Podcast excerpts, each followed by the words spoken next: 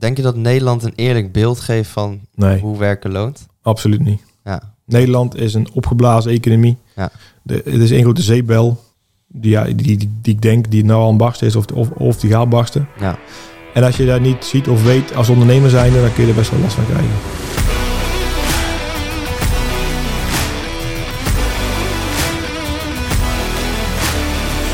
Yes, dames en heren, welkom bij weer een gloednieuwe aflevering van Raising the Bar. Mijn naam is Bart en naast mij zit natuurlijk weer favoriet van de show, Stef Stef Jansen. Jansen. Hallo, hallo, dames en heren. Yes. Ehm, ik eh, ben eigenlijk de tel kwijtgeraakt, maar volgens mij zitten we bij aflevering nummer 19 inmiddels.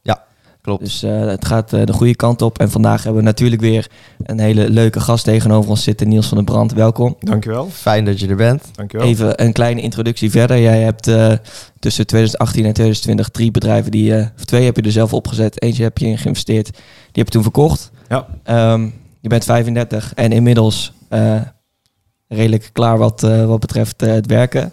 Ja, ja. Dus dat heb je eh, goed gedaan. En eh, tegelijkertijd ben je ook heel erg bezig met het eh, helpen van andere ondernemers. En nou ja, voldoening staat inmiddels vooral centraal in jouw leven. Hebben we van tevoren alvast even ook besproken. Dus dat vinden wij natuurlijk super interessant. We hadden het ook even over het, eh, het schoolsysteem. Misschien is het leuk om daar meteen even mee te beginnen. Want daaruit is ook jouw eh, hele ondernemersjourney voortgevloeid, denk ja, ik. klopt inderdaad, ja. Dus ehm, kan je daar iets meer over vertellen, die schooltijd? Nou, school, ik was niet echt een hoog, eh, in ieder geval hoog eh, eh, vlieger. Dus ik was altijd, ja, ik haalde mijn cijfers wel. Maar ja, het, het hield niet over. En op, op de basisschool wist ik eigenlijk al dat ik nooit heel erg ver zou komen. Mhm. Maar omdat dat zo was, had ik wel altijd de motivatie om, ja, om door te gaan, door te gaan, door te gaan. Omdat ik het eigenlijk niet kon. Maar ik, ik moest verder, hè, want, je, want je moet van school af en je moet door. En je Ja. moet naar een andere school toe. Niet heel veel keus. Nee, je hebt niet Ja. heel veel keuze. Hè? Dus dan zijn je ouders, hè, in, ieder geval, in, in ieder geval, die vinden daar iets van. En je Ja. moet doorgaan en doorgaan. En nou, in ieder geval, ik was dus op de basisschool, had ik gewoon in groep 8 nog steeds, eh, was ik heel erg slecht met lezen en zo. Maar goed, uiteindelijk eh, moest ik toch van school af en ging ik dan naar het VMBO toe, waar ik dan wel weer goed was, omdat het daar was eigenlijk allemaal, allemaal, allemaal praktijk. En, dat ging perfect. Ja. En toen eh, van het MBO, of eh, sorry, van het VMBO naar, eh, naar het MBO, ICT, ook allemaal eh, praktijk. Perfect. Maar ja, toen ging ik naar het HBO en toen dacht ik van, oh ja, hier moet ik heel snel wegwezen. Ja. Ja. Wat was dan het signaal? Nou ja, je moet gewoon allemaal dingen leren. Ja. En eh, in ieder geval, ik vind, of in ieder geval mijn overtuiging is van, als jij dus dingen wil leren, eh, dan moet je het doen. Mhm. En, en dan moet je niet uren naar een boek moeten kijken van, oké, dit en dit en dit. Nee, ik wil het gewoon doen. Ja. Ja. En ik denk, in ieder geval, ik vind als jij dus gewoon in het leven staat en je wil alleen maar leren en werken, als jij aan het werken bent, dan leer jij. Mhm. En het is niet dat jij eerst een boek moet lezen om te snappen wat je moet doen. Nee, gewoon proberen, op je bek gaan, fouten maken. Ja. En dat vind ik het grootste probleem van de school. Als jij een fout maakt, word je gestraft. Ja. En ik denk van, als jij een fout maakt, dan leer je dat in ieder geval, eh, in ieder geval daarvan. Ja. Dus als jij struikelt, opstaan en doorgaan. Ja. Dat is mijn overtuiging in ieder geval. Mhm. Over, eh, En op zich is het natuurlijk wel goed dat je erop gewezen wordt dat er iets fout gaat. Maar de manier waarop is dan natuurlijk eh, weer de vraag van... je hebt een 2. ja, Ja. ja. Maar in ieder geval, en dan wordt er ook nog eens van verwacht dat jij van die 2 een 10 maakt. ja, Terwijl ik denk van, als ik aan geschiedenis, ja, daar heb ik niks mee. Ja. Laag aan, laag aan. En als ik het ooit moet hebben, zoek ik, zoek ik, ik, ik wil op wanneer de Eerste Wereldoorlog was bij spreken, weet je wel. Ja. Nou ja, en ik denk dan van, als ik goed ben in iets anders, dan wil ik dat doorontwikkelen en dan wil ik daarvoor gaan. Ja. Ja. En als jij dus eh, op school moet jij al vrij jong een keuze maken van, Mhm. ik wil dus eh scheikunde gaan studeren, of ik wil leraar worden, of ik wil daarin gaan. Ja. Dat weet je helemaal nog niet. Nee. Als ik nu kijk wat ik heb gedaan aan opleiding, ICT dan. Ik heb er dan een aantal ICT-bedrijven gehad, allemaal verkocht, omdat het, was achteraf niet mijn ding. Hè, ben ik wel anders gaan doen. Mhm. En natuurlijk met die ervaring die je hebt gehad op school, heb je iets aan en dan ga je informeel aan de slag gaan. Ja. Alleen, in ieder geval, mij persoonlijk vind ik van op het mbo heb ik echt gewoon geleerd hoe het zit. Ja. Mhm. En, en dan ben ik zelf doorgegaan, dan heb ik stages gehad. En uiteindelijk een van die stages, Mhm. daaruit was eigenlijk in ieder geval onze eerste bedrijfsidee ontstaan. Ja. En, dat, en dat, in ieder geval, daar ben ik gaan opbouwen. En tijdens de HBO heb ik meer zitten werken op in ieder geval in de colleges als dat ik echt heb gestudeerd, zal ik maar zeggen. Ja. En op een moment dacht ik van ja, ik kan hier wel elk jaar geld aan betalen en heen gaan. En dan weer, weer anderhalf uur eh, moeten reizen, weet je wel. Ja. Ik dacht, kap ermee, want die van die anderhalf uur, of dan eigenlijk dus dadelijk eh, aan het einde drie uur per dag, Ja. kan ik gewoon veel beter gebruiken om gewoon eh, geld te verdienen. Ja. Ja. Zeg maar. Ja, ik was benieuwd. Je had het dan over dat idee van dat eerste bedrijf is ontstaan op het stagebedrijf van je Ja. MBO. Ja. Wa- Was dat dan een probleem wat je Ja. in één keer zag? Ja, Of? wij moesten, eh, we waren ICT, ICT-opleiding MBO hier, eh, hier in Den Bosch. Ja. En wij moesten dus, eh, omdat we ICT zijn, moesten we dus in ieder geval ons portfolio Mhm. digitaal laten zien. Dus in ieder geval, dus alle studenten van, van ICT moesten digitaal laten zien. Ja. Wat is je cv, wat, ja, wat heb je allemaal gedaan. Maar ja, al die ICT'ers, al, al, die, al, die- al die hobbyisten, die, die, die hadden altijd, altijd, altijd thuis een servertje staan. Ja. En bij oplevering, ja, mijn moeder heeft het uitgezet, weet je. Het was altijd wel, wel een smoesje dat, Ja. het, dat het niet werkte. Ja. Ja. En toen hadden wij mijn portfolio.nu bedacht. Oké. Eigenlijk heel simpel. Gewoon in ieder geval hadden wij een bestaand eh, CMS-systeem gepakt, uitgekleed van oké, dit is het enige wat je kan Ja. laten zien. Dat- En toen waren wij dus Even naar tussendoor, wat is een CMS-systeem? eh, een eh, content management systeem. Oké. Een soort eh in WordPress, Joomla, dat soort, eh, dat soort pakketten. En ja. de voorloper van Joomla was Mambo. En die hadden wij helemaal, helemaal, helemaal uitgekleed voor puur alleen maar dan een stukje, eh, in geval, in mijn portfolio. Ja. En ik was dus toen op een gegeven moment eh naar, gewoon naar onze leraar gestapt. Op een gegeven moment al naar de schoolhoofd gestapt. Weet je wel, van oké, dit willen wij gaan doen. Nou hadden wij mooi de kans gekregen om dat ook echt eh, in ieder geval eh. Maar was er één nadeel aan. We moesten ook bij een zorg eh, in de opleiding ook dan in ieder geval. Hè, Oké. want, want die zijn niet ICT onderlegd of Nee. het daar ook werkt. Ja. Hadden wij perfect gedaan. We hadden perfect gedaan en we mochten het gaan leveren. Maar het systeem Blackboard, misschien Oh ja. bekend, Ja, Ja. dat ken ik. had ook net een portfolio systeem geïntroduceerd. Ja. Ja, die zat al binnen school en daar betaalde ze geld aan. Dus Ja. wij waren bedankt voor onze service, maar we hadden het perfect gedaan. Maar ja, toen hadden wij ook al een bedrijf opgestart bij de KVK, noem het allemaal maar op. Mhm. Dat ja, oké, wat gaan we nu doen? En toen hebben we eigenlijk doorgetrokken, eh, maar dan gewoon in de ICT-stuk. Dus wel gewoon ontwikkeling van websites in het begin, heel simpel. En later dus eigenlijk het hele scala aan ICT. Dus eh, ook, eh, ook later dan de hostingleverancier begonnen, Ja. hosting verkopen. En ja, eigenlijk alles, elke ICT-vraag kon je dan bij ons neerleggen. Oké. En dat heb, dat heb ik een paar jaar gedaan. Maar als ik dan goed begrijp, je bent begonnen met echt eh, een, eh, een systeem wat je zeg maar kon verkopen, eh, eventueel in abonnementsvorm. Of, Ja, Klopt, en ja. daarna ben je toen meer de one-off taken ook voor andere bedrijven gaan doen? Of is het nog Ja. steeds echt een pakket? Nee, het, het, mijn portfolio is eigenlijk toen echt gewoon dood gegaan. Want ja, in ieder geval, we waren toen wel naar, wilden naar een andere school gaan. Maar ja, goed, op een gegeven moment was dan Blackboard die echt alles in huis had. Ja, Ja, ja, ja. Ja. dacht ik bij mezelf, die race gaan we toch niet winnen, laat maar zitten. inmiddels zijn de meeste instanties er weer vanaf, geloof ik. Ja, klopt. Ja. Maar dus eh, dat- was gewoon te grote concurrentie Ja, op dat moment. Ja, dacht ik, laat maar varen, want het gaat geld kosten, heel veel geld. En eh toen loop ik ermee. Ja, want dat is ook wel een interessante inderdaad. ICT, ik weet niet hoe dat zit met het opbouwen van een ICT-bedrijf. Hoeveel kapitaal je daar in eerste instantie voor nodig hebt. Nou, Maar ik begon op je achttiende. Het, in ieder geval, het eh, voordeel is van een ICT-bedrijf. Je hebt een rugzakje met je laptop en that's it. Ja. En als je groter wordt, op een gegeven moment heb je natuurlijk wel specifieke dingen nodig. Maar als je echt wil starten, dat is echt het, het meest makkelijk om te starten. In later gingen, gingen we dan de hostingleverancier starten. Dan heb je echt wel ieder geval eh, een datacenter nodig en servercapaciteit nodig. Dat is echt wel anders. Ja. Maar gewoon een simpel eh, ICT-bedrijf kan eigenlijk iedereen beginnen die Ja. ICT-kennis heeft. Alleen moet jij dus geloofwaardig overkomen bij de klant. Maar Ja, moet je zo'n server, moet je die dan echt kopen? Of kan je dat ook gewoon een bepaalde ruimte huren, zeg Ja. maar, van zo'n serverdienst? Er zijn eh, verschillende manieren. Ja. Ehm, het ligt eraan hoeveel geld wil je verdienen en hoeveel tijd wil je eraan kwijt zijn. Ja. In Optie 1 is heel simpel inderdaad. In ieder geval, in ieder geval een eh, VPS huren, een virtual private server. Ja. En die kan je inrichten op de hosting manier. En dan heb je zelfs bedrijven die nog gewoon het hostingstuk helemaal voor, helemaal voor je beheren. Ja. Dat je eigenlijk echt, echt alleen maar sales doet. Ja. Of je zegt van ik ga dus gewoon echt eh, eh, een datacenter rek huren Ja. bij een datacenter. En dan ga ik zelf je apparaat inschroeven. Ja. En dan heb je, heb je wel natuurlijk investering nodig. Mhm. En wij hadden daar een hybride vorm van. Oké. Dus aan de ene kant eh, eh, worden we de meest makkelijke dingen, omdat wij nog op school zaten met z'n allen. Mhm. Met z'n tweeën trouwens. met z'n tweeën. Klinkt heel wat. Ja, inderdaad. In het begin eh, ja, hadden, we het, hadden we natuurlijk colleges. En dan moest je natuurlijk, ja, in ieder geval kon je niet altijd eh, opgebeld worden en bereikbaar zijn. En toen dacht ik, ja goed, als we dan beginnen met het, eh, het managed hosting afnemen eigenlijk, dat we alleen maar sales doen. Ja. Dan kunnen we tijdens de college wel een beetje mailtjes beantwoorden. Maar als het Ja. echt in ieder geval omwiel allemaal, al de, in ieder geval service, ja goed, dat was gewoon bijschalen van, die mensen, zou ik maar zeggen. Ja. En later, toen we dus wel met tijd hadden, toen we waren gestopt op school, Mhm. toen, ja, dan kun je wel gewoon eh, in je eigen tijd allemaal dingen doen. Mhm. Ja. Ik ben ook benieuwd hoe jouw omgeving eh, erop reageerde toen jij begon met het ondernemen tijdens je studie. Nou ja, ehm, dan moet ik eigenlijk, eigenlijk even teruggaan naar eerder op school. Ik was, eh, ik was altijd heel erg, eh, heel erg kritisch op, op alles. Ja, Eh, dus ik wil altijd weten waarom, hoezo, dat, eh, weet je wel. Dus ik was altijd, was ik dan de, de vertegenwoordiger van de klas. Dus ik mocht, ik mocht altijd dan, als er iets was, mocht ik dan eh, in optreden als eh, ja. Ja. de klasvertegenwoordiger. Oké. Dus toen ik eh, op een gegeven moment dan naar die leraar stapte om ons product te gaan verkopen. Mhm. Niemand dacht van, oh, dat is gek, weet je wel. Want ja, Ja. hij is toch altijd bezig met die leraren en dingen allemaal. Ja. Eh, maar ik heb wel toen, ehm, toen was ik dus 17. Dus toen moest ik wel, heb ik wel naar mijn pa gegaan. Ik zeg, pa, hey, ik wil gaan ondernemen. Vind je dat goed? Ja, prima, zegt hij. Ja. Ja, maar ik ben nog geen 18. Ja, dan moet je even wachten je 18 bent. Dus op zich even gewacht. Ja, goed, dat was een half jaar of zo. Ja. En toen, ja, toen zei hij van, ja, succes ermee. Maar goed, hij is geen ondernemer, dus, dus hij weet niet wat inhoudt. Nee. Dus ja, goed, in ieder geval, ik heb het verteld. Ik heb toen aan mijn, aan mijn vriendin gevraagd van, vind je het goed als ik ga ondernemen? Ja, die wist ook niet wat het was. Ja, prima, weet je wel, succes Ja. ermee. Mhm.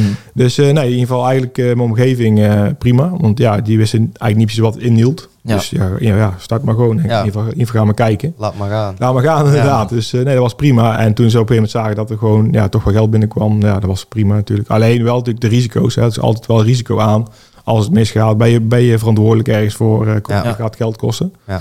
Maar goed, dat was altijd onder controle. Dus dat is geen issue geweest. Nou. Hoe was dat onder controle? Had je dat zelf of had je gewoon iemand die daarbij hielp? Eh, nee, in het begin deden we echt alles zelf. En Ja. had ik wel een oom van mij deed dan de boekhouding. Ja. Ja, want eh cijfertjes, als je echt begint, denk je, ja, weet je, boekhouding, waar is het allemaal voor nodig? Je moet gewoon euro's op de bank krijgen. Ja. Eh, maar goed, je moet wel natuurlijk alles gewoon keurig opgeven en, eh, en belasting betalen. Waar ik Ja. echt een hekel aan heb. Voor meerdere redenen. Ja. Eh, maar goed, dat, dat moet allemaal, allemaal wel kloppen. Hè? Want eh, als, als, als je op een gegeven moment de boete krijgt van de Belastingdienst, ja, dan moet je wel serieus geld gaan betalen. Heb ik ook één keer meegemaakt namelijk. Ja. Toen dachten we van, die moeten we beter aanpakken. Ja. Dus ja, dat is ook gewoon vallen en opstaan en doorgaan, zal maar zeggen. En Mhm. eh, ja, goed. En dan op een gegeven moment ga je groter worden. En omdat we een ICT-bedrijf hadden, kwamen we natuurlijk heel veel andere bedrijven over de vloer. Leer je andere ondernemers kennen. En dan leer je ook gewoon hoe ze, hoe ze met, met bepaalde zaken omgaan. En, en dan vraag je gewoon een keer, kan, ik- kan ik gewoon een keer een uur met je praten, weet je wel. Ja. Dan, Ja. eh, en ik allemaal praten die mensen. Allemaal Ja. gewoon willen je helpen, weet je wel, willen je meehelpen. Eigenlijk precies zelfs wat Zo, wij hier nu aan het doen zijn. Nou is, het, nou is het omgedraaid. Ja. Ja. Ja. Dus dat is hartstikke leuk. En dan leer je dus gewoon van andere mensen hoe ze het doen. En Mhm. eh dan kom je erachter dat die ook allemaal niet heel erg hoog opgeleid zijn. Allemaal onderaan begonnen zijn. Ja. En pak op de bek zijn gegaan. En hard op de bek zijn gegaan. Qua, in ieder geval qua geld dan. Ja. Ja, en daar leer je gewoon van. En dan is gewoon ja, het ondernemerschap waar je dan eh, in ieder geval leuk vindt. Mhm. En dan doorgaat. Ja. En eigenlijk dan leef je... Ja, ik vind het mooie van ondernemerschap is, is, is onzekerheid dat je gewoon niet weet of je morgen nog werk hebt, om het zo maar te zeggen. Ja. Maar het komt toch altijd goed als je het doet. En dan Ja, leer je gaat toch oplossingen bedenken of Ja. vinden als je toch eh, Ja. voor jezelf bezig Ja. bent. ja, en als je dat niet hebt, dan moet je niet gaan ondernemen. Nee, Nee. Als je zegt van ik wil gewoon elke maand gewoon mijn salaris krijgen, dan moet je ergens, ergens in loondienst gaan en lekker eh, een pensioen opbouwen. Prima. Als, als ik keuze, maar goed, dat kan ik gewoon niet. Nee. Daar heb ik, eh, ja, dat lukt mij gewoon niet. Nee. En dat is ook iets wat we net voor de opname even bespraken. Dat ehm, de maatschappij is een beetje, tenminste hoe het is ingericht, one, one size fits all. Ja. Mhm. Maar ehm, wat jij ook eh, eh, zei is, ik wil mijn verhaal graag delen en hoe ik het heb gedaan, de lessen die ik heb geleerd. Ja, Maar dat wil niet zeggen dat het generaliseerbaar is voor zeker iedereen. niet. Zeker niet. Dus dat is ook wel even goed om, eh, om genoemd te hebben. En daar vind ik dus echt het nadeel van het schoolsysteem. Je leert echt gewoon in de maatschappij inpassen. Ja. Als je niet inpast, ja, dan, dan hoor je niet op school thuis of dan moet je andere dingen gaan doen. Mhm. En dat is ook eh, bijvoorbeeld, ja, eh, op ICT-opleiding heb je heel, heel vaak mensen die dus autistisch zijn of die allemaal, in ieder geval allemaal rugzakjes hebben, zeggen ze dan. Ja. Mm. Hartstikke mooie mensen. En die kunnen dingen beter, beter eh, daarbij bij elkaar. Ja. Alleen, die passen niet in, in de maatschappij. En Ja. dat, dat snap ik gewoon niet, zou ik maar zeggen. Nee. Ik heb gewoon vrienden, perfecte gasten, Ja. super slim. Die hoef ik me op te bellen, kunnen alles zeggen erover, weet je wel. Ja.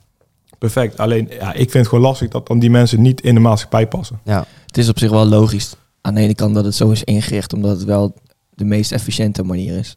Zeker, En zeker. daarom, daarom wordt het ook zo gedaan, denk ik. Voor de Belastingdienst is dat zeer efficiënt. Ja, nee, precies.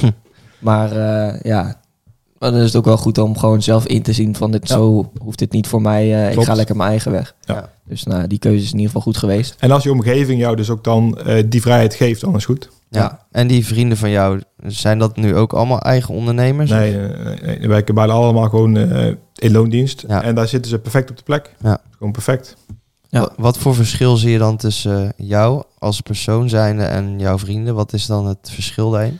Ja, ik ben toch wel meer ondernemend. En een beetje overal tegenaan trappen. Een beetje Ja. proberen, een beetje, een beetje dingen doen. Mhm. En, eh, maar ja, goed, van de andere kant, ik ben ook weer niet echt anders dan, maar in ieder geval eh, eh, dan die jongens. Maar goed, ik heb een andere skillset. In ieder geval, Ja. hun zijn op ICT-vlak veel beter. Ja. Honderd keer beter dan ik ben. Want wat dat betreft op ICT-vlak ben ik een stukje minder. Mhm. Maar ik heb daar weer het ondernemersstuk erbij, zal ik maar zeggen. Ja. Meer het commerciële stuk. Ja, Dat is eigenlijk best wel een unieke combo, denk ik ook binnen ICT. Dat hoor ik vaker inderdaad, ja. Ja. Maar, maar daarom is, is het mijn ICT-stuk is ook een stuk minder dan hun, zal ik maar zeggen. Ja.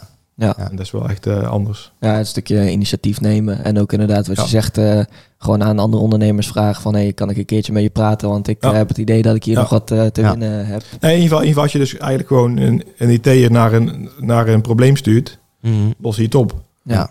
En ik ging altijd navragen van hoe kan het dan dat er gebeurd is, weet je wel. eh, weet je wel ik ging altijd even uitvogelen van, ja, wat is hier gebeurd, zal ik maar zeggen. Ja, En Ja. dat is denk ik wel, wel een ander verschil. En allebei is goed, hè? Dus geval, je hebt gewoon IT'ers nodig die, die echt gewoon naar, naar, naar een probleem gaan midden in de nacht en het is een probleem, een storing oplossen. Mhm. Eh, was ik ook wel, alleen bij mij duurt de oplossing altijd een stukje langer. ja. ja. Ja. Dus ja, daar is eigenlijk het verschil.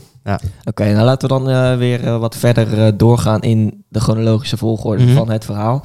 Eh, we hebben nu twee van de bedrijven besproken. Of was het... KTB inderdaad, dat is, is een bedrijf die doet gewoon alle, alle ICT-oplossingen eigenlijk gewoon bij particuliere zakelijk servers, eh dat soort dingen. En de, en de hostingleverancier is dan meer echt het, het online stuk, dus eh, website hosting, VoIP hosting, Ja, eh, domeinnaam, alles, eh, al- alles erop en eraan. Wat Ja. is VoIP? Dat is digitaal bellen. Oh, ja. IP. Ja, ja. Ja. Zo was toen, eh, in ieder geval op een gegeven moment kwam er op en zijn we toen ingestapt. En hadden we daar eh, een mooie oplossing voor staan. En nog steeds. Ja. Want mijn, eh, en mijn, mijn, oude compagnon die zijn nog steeds mee bezig. Ja. En doet die perfect. En even voor de duidelijkheid, jij bent begonnen in 2005, 2008 geloof ik, eh In vertelde. 2005 inderdaad KTB. Toen was ik 18, zat ik, of ja, eh, 18 inderdaad, ja. 17 wilde ik al beginnen, heb ik even Hmm. gewacht. Ja. Dan zat ik nog eh, op het mbo. Eh 2008 inderdaad, want het was eigenlijk een voortvloeisel uit aan KTB, maar we steeds meer hosting aanvragen. Kreeg dat voor goed, die, eh, die moeten we helemaal automatiseren, moeten we in een aparte entiteit stoppen. Ja. Eh, dus die is daar eigenlijk toen daaruit uit voortgekomen in 2008. En, En- eh dus doorgegroeid. En hoe, eh, hoe stond dat toen allemaal, zeg maar, hoe zag die wereld er toen uit? Want nu heb je een hele hoop verschillende opties natuurlijk. De Dat online wereld is veel verder gegroeid. Ja. Nee, in ieder geval toen wij eh, de hosting begonnen, toen was net het hele virtuele hosting eh, aanbieden kwam toen op, zal ik maar zeggen. Ja. VoIP hosting kwam iets later nog. Dus wij zijn eigenlijk, eigenlijk, eigenlijk toen wat er toen kon. In ieder geval hebben wij toen nog gewoon eh, in ieder geval gepakt en gaan doen. Ja. Ja. En de VoIP hosting eh, kwam op een gegeven moment ook, maar er waren heel veel problemen en problemen en problemen. Maar toen er op een gegeven moment software beschikbaar kwam om het makkelijk te, te gaan doen, hebben we hebben ingestapt, hebben we ons eigen, ja, ons eigen hostingplatform eigenlijk ingericht eh, specifiek voor VoIP. Ja. En zijn we dat toen gaan verkopen. Dus jullie waren er gewoon vroeg bij ook. Ja, en we waren toen, eh, ja, toen kwam KPN ook net met een heel eh VoIP eh, gebeuren. Ja. Maar er had heel veel, heel veel fouten in. Dus, dus daar konden wij toen best wel een heel ja, aantal bedrijven wegkapen, om het zo maar te zeggen. Ja. Eh, dus dat was toen perfect eigenlijk. Mhm. Ja. Mooi. Ehm, laten we dan eh, nog wat, eh, wat verder doorgaan. Eh, er kwam nog een, eh, een derde bedrijf bij Ja. die je niet zelf bent begonnen, Nee. maar waar je in hebt eh, geïnvesteerd. Ja, klopt. Dat was eigenlijk eh Studieplanner Pro. Dat was een klant van ons. En die, ehm, ja, die, die had eigenlijk een heel, een heel mooi concept neergezet. Alleen, ja, hij had hulp nodig en wat geld nodig. Mhm. Dus toen heb ik en mijn toenmalige compagnon ingestapt. Eh, het was eigenlijk, eigenlijk mijn, ook, ook mijn eerste investeringsgebeuren. Ja. Ja. Ja, daar zijn we wel een beetje op ons plaat gegaan. Mooie les, mooie les. Maar uiteindelijk hebben we het goed verkocht. En, ehm, eh, want er was een andere partij in de markt die eigenlijk al dit soort eh, partijen opkocht. Mm. Ja. Dus wij konden blijven vechten. Of, of we konden zeggen, oké, weet je wel, in ieder geval, hoeveel krijgen we ervoor en eh, verkopen. En toen Ja. was ik ook al bezig met andere bedrijven op te zetten. Ik dacht, ja, weet je, ik moet daar in voor mij op focussen. Mhm. Dus dan maar in ieder geval verkopen. Maar dat was een hartstikke leuke tijd. Eh, veel van geleerd. Ja. Eh, vaak wist eten. dat was wel prima. Maar je hebt dus dan eh, drie bedrijven, of tenminste heb je je eh, aandelen of heb je gewoon je bedrijven verkocht. Ja. Eh, heb je die bedrijven ook zo ingericht met het idee van oké, dan kan ik ze over een tijdje verkopen? Want als dat drie, Nee. keer, drie keer gebeurt, dan zou je zeggen, daar, daar ben je dan wel mee bezig geweest. Nee, Misschien nee, nee, nee, want ik had dus... ehm, ik had op een gegeven moment een droom. Dat was in 2016, 2017 had ik een droom van... ik wil eigenlijk ondernemers echt gaan helpen. Ja. Eh, dus niet gewoon hun ICT fixen, weet je wel, of, of hosting, maar echt in ieder geval gewoon in de basis helpen. Ja. en Ja. toen kwam eigenlijk mijn filosofie, eh, wat, wat, wat, wat ik nu aan het doen ben. Ik denk, ja, wie ben ik nou om tegen een ondernemer te gaan zeggen wat hij moet doen? Hè? Absoluut niet. Mhm. Maar ik wil in ieder geval wel kijken, oké, welke problemen zijn er in de markt? Mhm. En eh, toen was natuurlijk allemaal kredietcrisis toen, weet je wel. En op een gegeven moment ging het wel weer beter.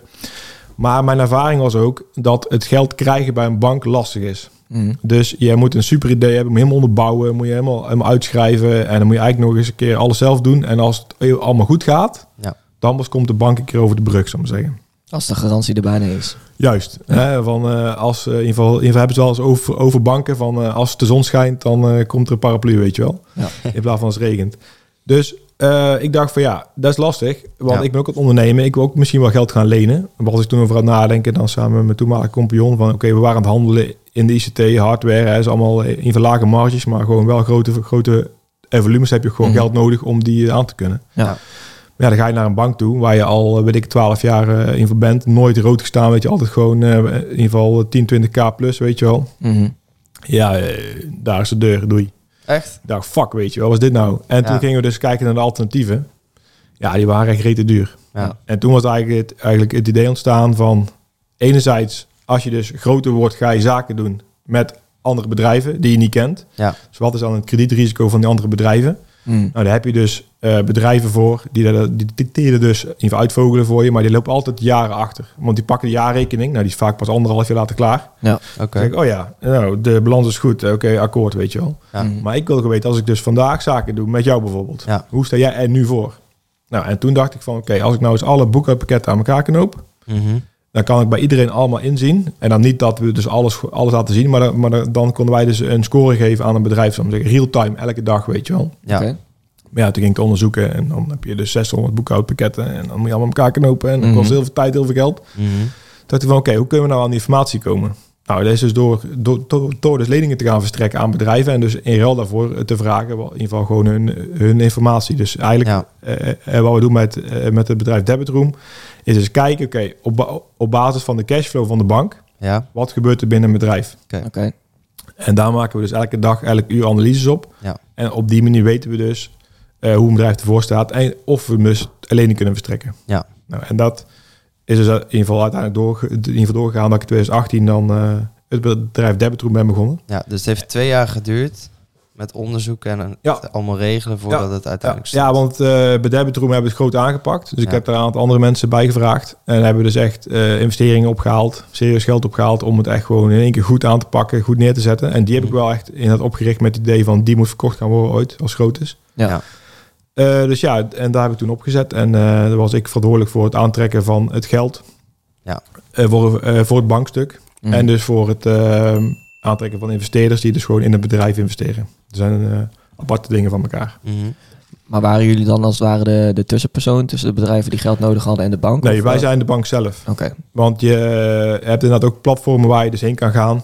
En dan zeg je van ik heb geld nodig. En dan gaan hun helpen om dus in ieder geval, in ieder geval te kijken naar, naar banken, investeerders, eh, private equity, noem het dan maar op. Ja. Maar wij hebben dus eh, twee producten. Aan de ene kant hebben wij dus het MKB, die dus geld nodig heeft om Ja. eh, te kunnen groeien. Werkkapitaal nodig heeft. Maar dan niet investeringen, maar echt, echt puur werkkapitaal. En anderzijds heb je dus vermogende mensen die dus geld op de bank hebben staan tegen toen nog negatieve rente. Nu is het inmiddels wel positief bij de bank. Ja. En wij hebben dus een stichting waar, waar al het geld in zit. Ja. Dus wij betalen aan de ene kant betalen we rente, aan de andere kant in verlenen we geld uit en ont- ontvangen wij rente. Mhm. Eigenlijk hoe een bank in de basis, hoe het vroeger was, eigenlijk gewoon werkt, zal ik maar zeggen. Tegenwoordig doen ze allemaal gekke dingen. Ja. Maar in ieder geval hoe het eigenlijk hoort, gewoon 1 euro inlenen is 1 euro uitlenen. Ja. Ja. En daar hebben we opgezet en dat draait nu al een paar jaar eh, ja, redelijk succesvol, om het zo maar te zeggen. Mooi.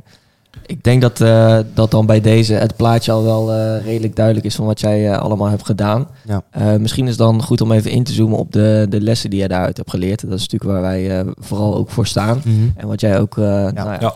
onder andere doet bij Mozo. Zie je natuurlijk ook de, Ja. de gast geweest. Ja, klopt. Mojo of Mozo? Mozo. Ja, ja, ja. Mozo. Inside joke. Ja, we hebben hem Ja. eruit geknipt. hè. Ik had Ja, in, ja. in de intro had ik eh, hem verkeerd eh, geïntroduceerd. Dus dan weten ze dat. Oh, ja. Huip van Mojo. Ja, dat was van, nee, dit gaan we even opnieuw doen. Dit is niet zo netjes, maar bij deze dan gaan wel eens dingen fout. Yes. Ehm, maar dus eh, de lessen die jij voornamelijk, of de belangrijkste lessen die jij uit hebt gehaald uit het ondernemen zelf. Dat is een goede vraag. Ja, best wel breed ook meteen, maar Ja. dan eh Ja, ja, Ehm, ruimte. Als jij, eh, nou, dus in ieder geval, ik zit hier nu eh, vrij oncomfortabel, want ik praat niet graag over, in ieder geval over mezelf. Dus Ja. in ieder geval, ik ben altijd graag, ben ik op de achtergrond, ben ik in ieder geval zaken aan het regelen en ben ik niet in ieder geval gewoon, in ieder geval, ik ben niet eh, het boegbeeld van een bedrijf om het zo maar te zeggen. Ja. Mhm.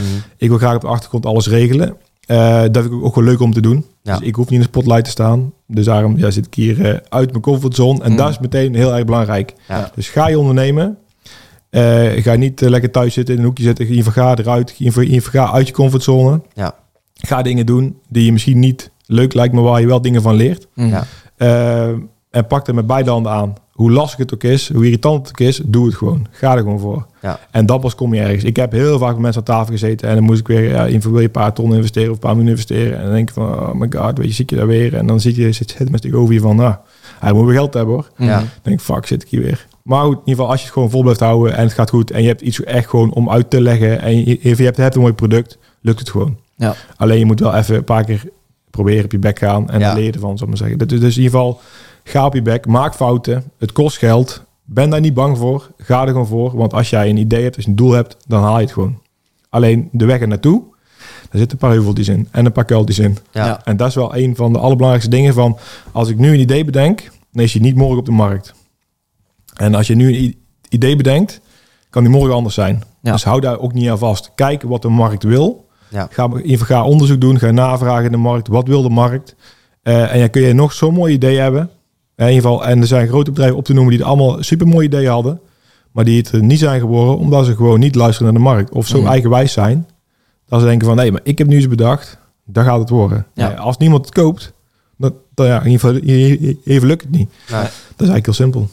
En eh, om daar meteen op in te springen, eh, dat Investor Ready traject waar, je, waar Huip het ook over heeft gehad. Ja. Ja. Dat Ja. is misschien een hele goede om daar ook even op in te gaan. Want misschien dat mensen nu ook kijken of luisteren die denken... oké, ik heb een heel goed idee. Dit willen mensen sowieso hebben. Maar eh, eigenlijk weet je dat nog helemaal niet. En hoe, Ja. kan, hoe kan je daarachter komen? Nou, hoe kun je erachter komen? Ehm, want ik heb er zelf ook een keer in zo'n eh, in zo'n traject eh, eh, gezeten. Ja. Nou ja, dan word je gewoon tot aan je knieën afgeschoten. Het is in ieder geval, je maakt dingen mee, denk van, eh, ik zit hier echt buiten mijn comfortzone om afgezekerd te worden. En om te kijken van, is jouw product wel haalbaar, ja of nee? Mhm. En even nog qua context, waar, waar komt zo'n traject vandaan? Waar, vanuit wie is dat georganiseerd of hoe, eh, hoe zit dat? Nou, ik heb dat eh, eh, meegemaakt bij de BOM. Brabant Ontwikkelingsmaatschappij Dat is een perfecte instelling. Ehm, die investeren eigenlijk dus in start-ups. Ja, Die dus onderscheid maken in de markt. En eigenlijk, je hebt dus de BOM, die is hier in Brabant. Maar je hebt dus in elke provincie heb je dus zo'n zo'n ding zitten. ja, En die willen er eigenlijk voor zorgen dat dus ook hun idee is van... In ieder geval, in ieder geval die hebben geld. Ja. Die willen investeren, willen gewoon ondernemers helpen. En eh, de werkgelegenheid in de provincie stimuleren, zal ik maar zeggen. Maar wel innovatieve dingen. Ja. Dus ik heb daar meegedaan aan zo'n traject. Nou, dat was, ja, dat was gewoon achteraf super gaaf om mee te maken. Ehm degenen, degenen die het hebben gedaan, die waren loeihard. Mhm. Maar wel gewoon echt eh, in ieder geval, in ieder geval rechtvaardig. ja.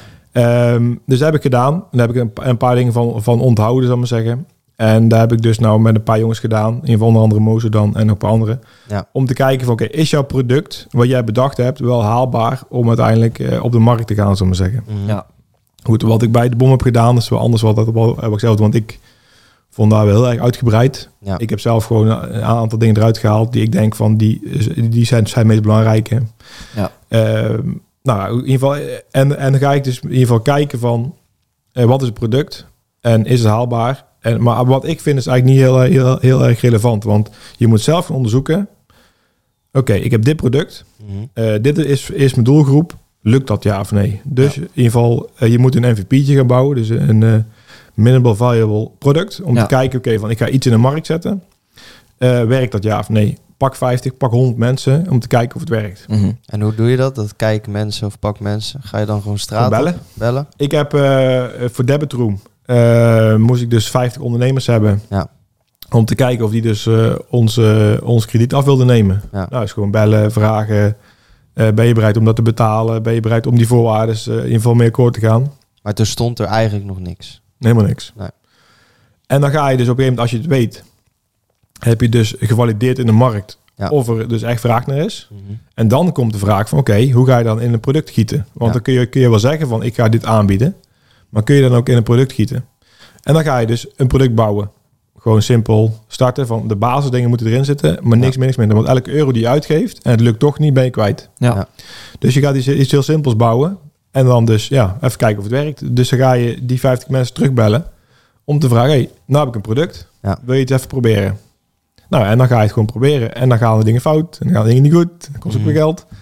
En op een gegeven moment kom je dus op, op, op een product uit dat wel werkt. En dan ga je het uitbouwen. Ja. Als je weet dat het dus werkt. Dat het eh, dus een een kant verslagen heeft. Dan ga je het uitbouwen. Om te Ja, kijken of het dan... Wanneer krijg je het besef of zie je in dat het een kans van slagen heeft? Want dat kan ja, per update even om het zo te noemen. Je gaat je product steeds uitbreiden. Er kan ook op een gegeven moment een ander spoor ingaan dat het in één keer niet meer werkt of zo. Kan. Maar hoe signaleer je zoiets? Dat is dus om elke dag, als je er, er mee bezig bent, alle Ja. signalen die je terug hoort. Mhm. Dus, dus als jij dus, als ik jou een vraag stel, komt een antwoord. Maar ik, het antwoord moet ik niet hebben. Ik moet dus weten wat jij bedoelt met je antwoord. Want jij kan in ieder geval, ik zeg van, oké, ik heb hier een pen. Ja. Wil je, in ieder geval- wil je die kopen? Ja, is goed. Vijf Ja. euro. Laat maar zitten. Ja. Drie euro. Ah, veel te duur. Dus, dus waar kom je dan op uit? Dus in ieder geval, dus, je- dus je moet kijken van, ik wil hem hebben. Mhm. Heb ik zo vaak gehoord. Ik ga bij jullie ga ik geval geld inleggen. Ga ik doen. Ja, Kom ik met de voorwaarden? Ja, maar, maar daar ga ik in ieder geval, in ieder geval niet mee akkoord. nee. Mhm. Dus al die dingen moet je eerst afkaderen. Ja, Dus, je- dus je- eh, in ieder geval, je hebt een overeenkomst, leg je neer. Ga je geld inleggen? Ja, is goed. Nou, prima. Alleen, ik, ik merkte soms dat mensen het niet, niet eens aan, aan het doorlezen waren. Ik dacht alleen maar, ik ga geld verdienen met geld. Ja. Ja. Totdat je dadelijk bij mensen komt die iets kritischer zijn. Mhm. En die gaan zeggen van, nou, die voorwaarden staan me niet echt aan. En Ja. dan ga je nadenken, oké, eh, komt dat door de voorwaarden of is mijn gesprek niet goed gegaan in eerste instantie? Ja. En al die dingen samen kom je op een gegeven moment op een punt van, oké, dit is haalbaar. ja. En dan ga je beginnen. En dan kan het best zijn dat je nog dingen aan moet passen, dingen moet gaan veranderen Mhm. aan jouw verhaal of aan jouw overeenkomst of aan je product. Ja. Ja, dus in ieder geval, in ieder geval jouw vraag. Ja, hoe kom je erachter? Ja, dat is toch een beetje de feeling hebben. En Ja. concreet genoeg zijn. Ja, duidelijkheid. Duidelijkheid is alles. Dat is in ieder geval, eh, om dingen heen draaien tijdens het gesprek werkt niet. Je moet gewoon duidelijk zijn, eerlijk zijn, direct zijn. En dat, vind, in ieder geval, en dat zijn echt wel kernwaarden die ik heel erg, eh, heel erg eh, belangrijk vind. Ja. Ben eerlijk, ben duidelijk, want ondernemen is geld. En als je dus ook, als je bijvoorbeeld geld aanhaalt bij investeerders, Mhm.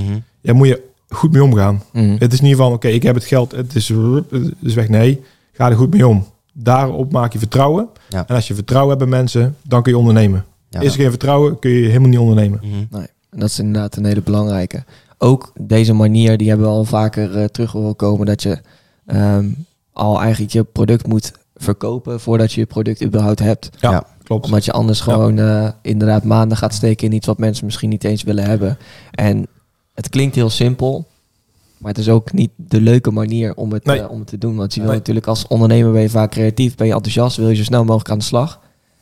En eigenlijk is dit weer dat vooronderzoek wat we, Ja. waar we het met Huip inderdaad ook over hadden, waar eh, hij ook een hekel aan heeft.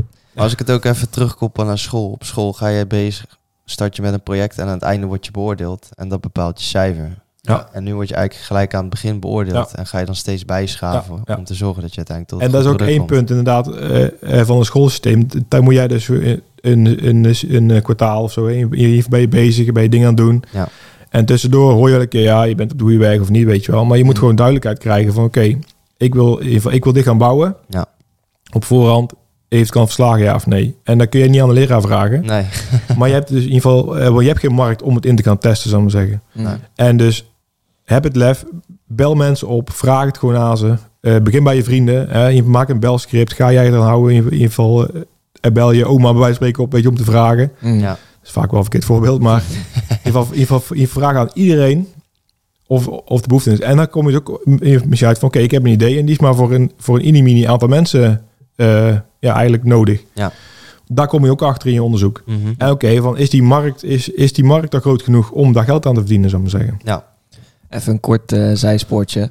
Eh, want we hadden het weer even over het eh, schoolsysteem. Ja. Hoe zou jij het dan zelf inrichten? Het schoolsysteem. Ja. Ja, ik zou mensen.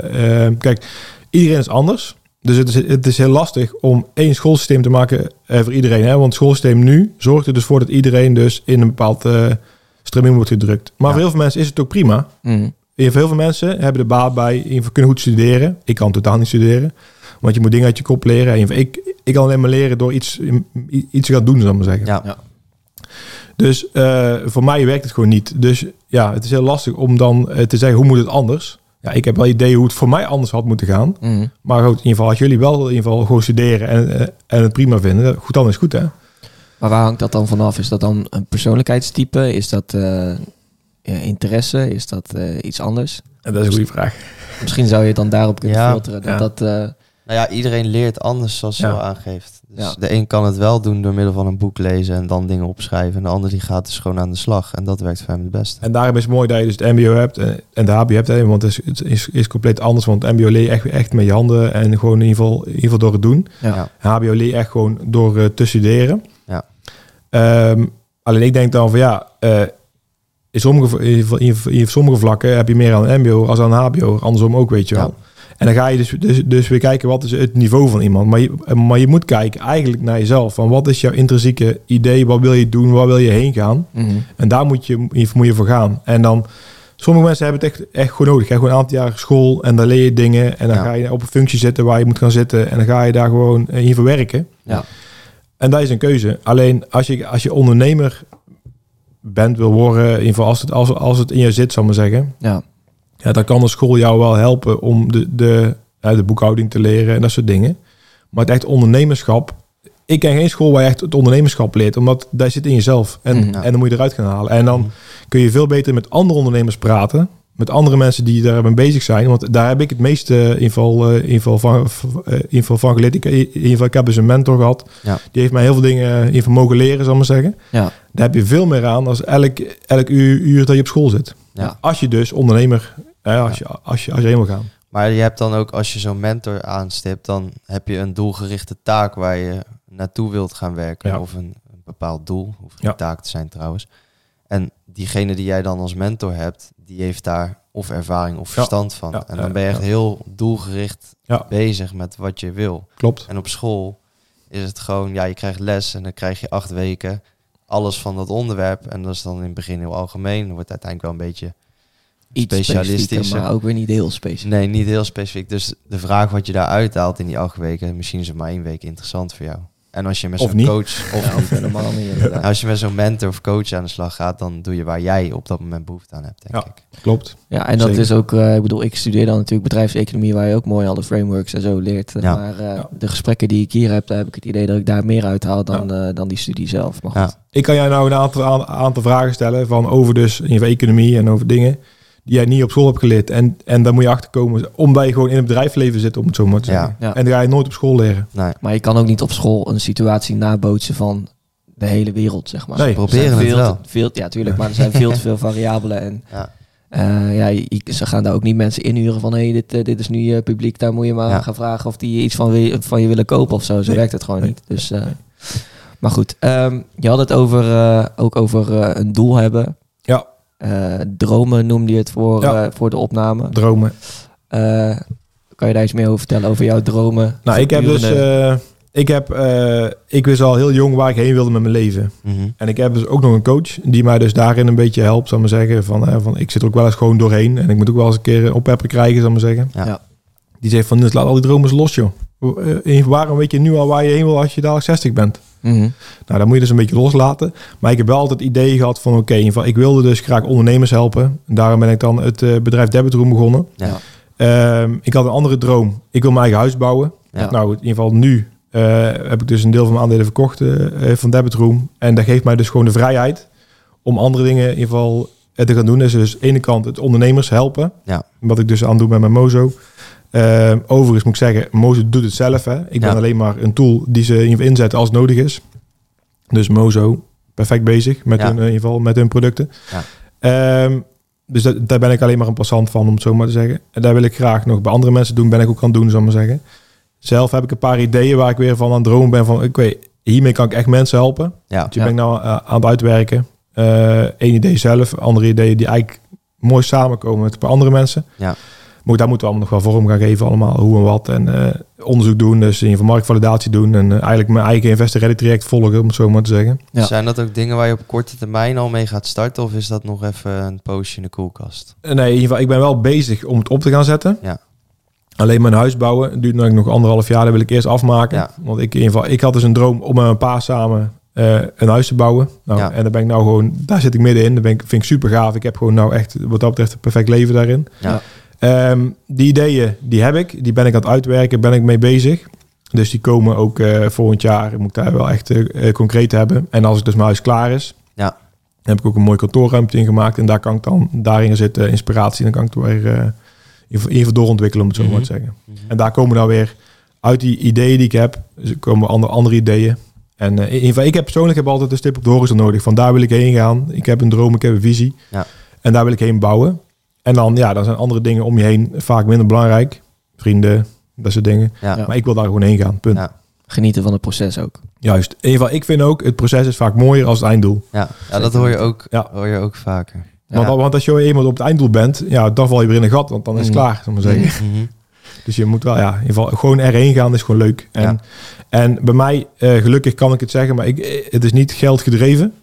Eh, maar ik wil gewoon echt mensen helpen daarmee. En wie ben ik dan om mensen te helpen? Hè? Want in ieder geval mensen willen helemaal geen hulp hebben van mij. Mhm. Eh, dus dat is eigenlijk een beetje het conflict waar ik mee zit van... oké, ik heb een idee bedacht Ja. eh, die ik denk dat mensen helpt. Ja. Maar ja, eh, willen mensen geholpen worden? Dan krijg je Ja. het weer. Moet je gaan bellen. Moet je gaan bellen, gaan vragen van... is dit voor je? Past het bij je? Ben je bereid om ervoor te betalen? Dat soort dingen allemaal. Ja, Ja. goed. En dat proces vind ik leuk. Om, om te kijken naar de, ja, naar de, de psyche van de mens. Ik ben helemaal geen psycholoog of weet ik het wat. Mhm. Maar gewoon mensen praten, kijken wat de, wat de behoefte is. En ik heb gewoon meegemaakt eh, in mijn vriendengroep eh, dat die behoefte aan is, zal ik maar zeggen. Ja. Dus ja, dat moet ik gaan onderzoeken van is er ook bij andere groepen zo. Ja. Want, eh, want misschien heb ik wel een, een specifieke in ieder geval, in ieder geval vriendengroep waar, waar het alleen maar geldt. Ja. En, je- en je moet niet denken van als je, als je oma tegen je zegt van oh, je hebt een goed idee jongen. Dat het goed is, want je Ja. oma wil jou helpen. Maar Ja. niet per se in ieder geval eh, het andere stuk helpen. Ja. Ja. Dat moet je gaan onderzoeken. Maar het is ook wel een belangrijk inzicht inderdaad dat het proces, dat je daar ook wel echt van moet genieten. Want Ja. vaak gebeurt het Ja, pas ja. achteraf dat je dan terugkijkt en denkt, ah, eigenlijk was het de hele weg ernaartoe misschien wel het mooiste. Ja. Ja. En ehm, En als, jou, als dat proces geld gedreven is, dan ben je alleen maar bezig als een stier op een rooilap. Geld, geld, geld, geld, Ja. geld. En dan gaat het misschien wel snel, maar dan is het denk ik ook snel afgelopen, is mijn gok. Nou ja, in ieder geval als je, eh, want dat is weer het andere stuk. Op school leer je dus niet omgaan met geld. Nee. Zakelijk niet, eh, eh, eh, privé niet. En daar zie ik zoveel, zie ik dingen misgaan met mensen. En wie ben ik dan weer om, om dat te vinden? Mhm. Maar dan zie je mensen die dan in één keer geld verdienen. En het, het is ook in één keer op. Ja. Maar als, als het dan jouw keuze is, prima. Als jij zegt van ik heb een ton verdiend, ik koop een dikke BMW, prima. Ja. Doen. Maar ik zit zo in elkaar van oké, als ik geld verdien, dan wil ik, wil ik met dat geld zorgen dat ik dus minder hard hoef te gaan werken, zal ik maar zeggen. Ja. Ja. Dus ik Gewoon een heel ander doel. ander doel, ja. Ja. Dus ik koop dan liever een minder grote auto of een minder groot huis of hè, even minder op vakantie gaan, om Ja. dan maar gewoon een leuk leven te hebben, om het zo maar te zeggen. maar ja, dan is voor dus veel mensen geld het doel en voor jou is het een middel. Geld is in mijn in ieder geval inzien altijd een middel om ergens te komen en niet het doel in ieder geval op zich. Als je kijkt hoeveel mensen er gewoon van maand naar maand leven, werken, eh, loon krijgen, is al op eh, in ieder geval in week drie, zal ik maar zeggen, van de maand. Ja. Ja. Ja, eh, in ieder geval zo wil ik nooit eh, uitkomen. Nee. Dus ik heb mijn leven ingericht dat ik gewoon elke maand komt er geld binnen. Eh, zonder dat ik er hard voor hoef te werken. Maar daarvan kan ik makkelijk leven. Ja. En ja, en dat vind ik prima. En dan heb ik de mogelijkheid, hè, want ik heb met mijn vrouw gesproken. Ik heb geld, daar investeer ik mee. Ja. Nou, je zegt gewoon, als wij gewoon ons leven kunnen leiden waar we hiervoor willen, hiervoor willen leiden. Dan is het prima. In ieder geval moet je maar lekker doen wat je wil. Ja. Succes ermee. Ja. En ik vind dat leuk. Om Ja. gewoon de anderen weer te helpen, te investeren, mee te helpen. Hoe zit het dan met, eh, met focus? Aangezien je ook zegt, er komen best wel veel dingen in me naar boven van oké, dit eh, en dit wil ik dan nog gaan doen. Ik ben alweer bij andere mensen bezig en nu Ja. huis bouwen. Nou, focus is voor mij heel simpel. Eh, focus is heel erg goed om te hebben. Alleen je moet niet te gefocust zijn op één doel in het leven. Dus ik heb nu heb ik gezegd van oké, op dit moment, eerst had ik dus een, van, een van mijn bedrijven waren dan leidend, zal ik maar zeggen. Maar nu heb ik dus mijn huis bouwen. Ja. Dat is gewoon leidend. Alleen ik merk wel, want ik ben zes dagen in de week. Was morgens eh, tot 's avonds bezig met Ja. mijn pa samen. Super leuk. Maar ik heb ook wel even een paar uur in de week dat ik even met andere mensen hier bijvoorbeeld zit. Of ergens anders praat, ik maar zeggen, met mensen. Of dan met Mozo of met andere dingen. Ja. Ja. Ehm, en dat, dat ben ik dus een halve ochtend een keer, eh, of, of een keer een middag ben ik dan even weg. Ja. Maar mijn huis is uiteindelijk wel het doel om die eerst af te hebben. Mhm. En alles wat er omheen komt is gewoon dingen die ik, ik allemaal leuk vind om te doen. Maar mijn focus is mijn huis. Als mijn huis klaar is, dan is weer focus dadelijk op mijn nieuwe ideeën die ik heb. Ja. Ik ben eigenlijk nog wel benieuwd, want je, je hebt eigenlijk altijd een, eh, een bepaald doel gehad, of een stip op de horizon. Ja. Heel veel mensen die, die kunnen dat niet, Ehm, of hoor ik dat tenminste niet.